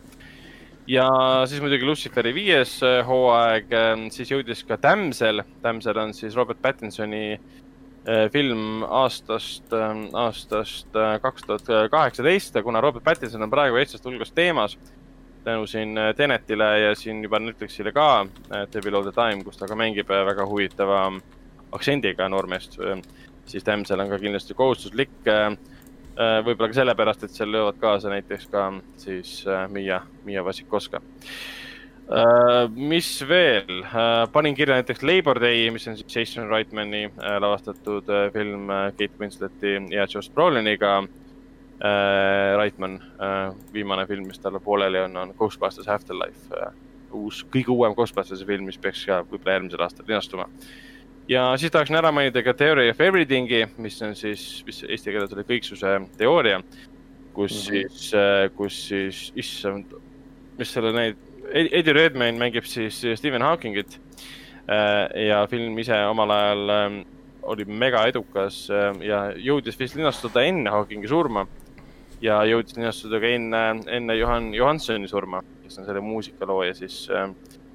Äh, jah, ja Raiku lisas äh, veel, mida soovitada Netflixis, äh, Cobra Kai'd, sest see on tõesti fantastiline äh, seriaal äh,. kui võtta arvesse seda, mida Raiku on öelnud ja mida ka teised on öelnud ja võttes arvesse ka, et Raikule meeldis Dragon's Dogma, siis soovitame ka seda Netflixis vaadata Telia HBO soovitame vaadata Lovecraft Country't nagu ikka, Race by the Wolves'i ja The Third Day'd ehk siis ma ennustan, et eesti keeles ta on kolmas päev.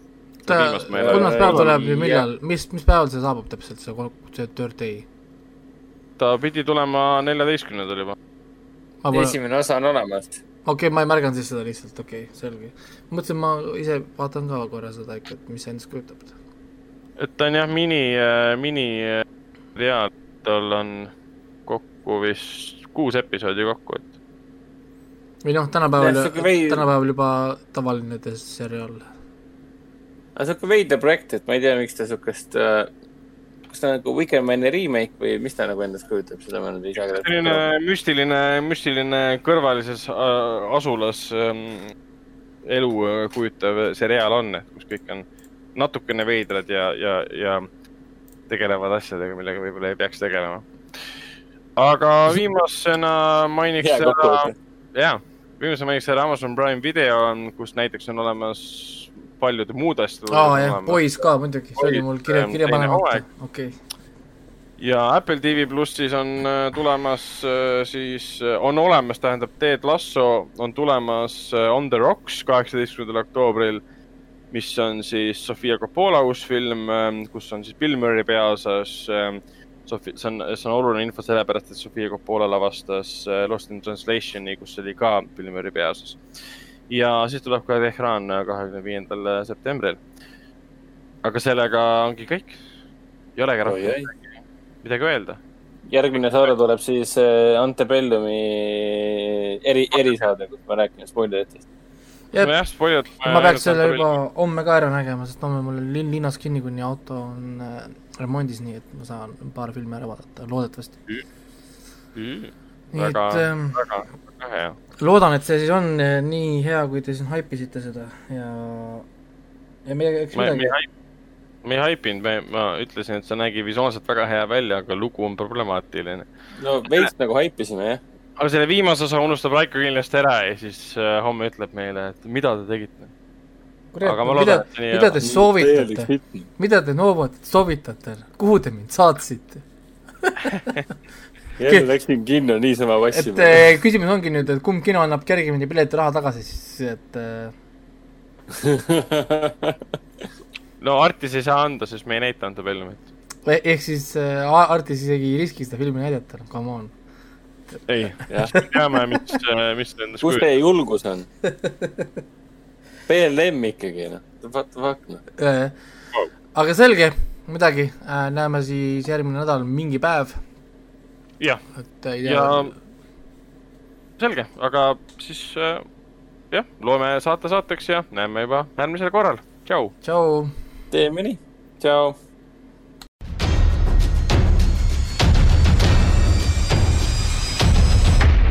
Kinoveebi Jututuba podcasti toob teieni Foorum Cinemas.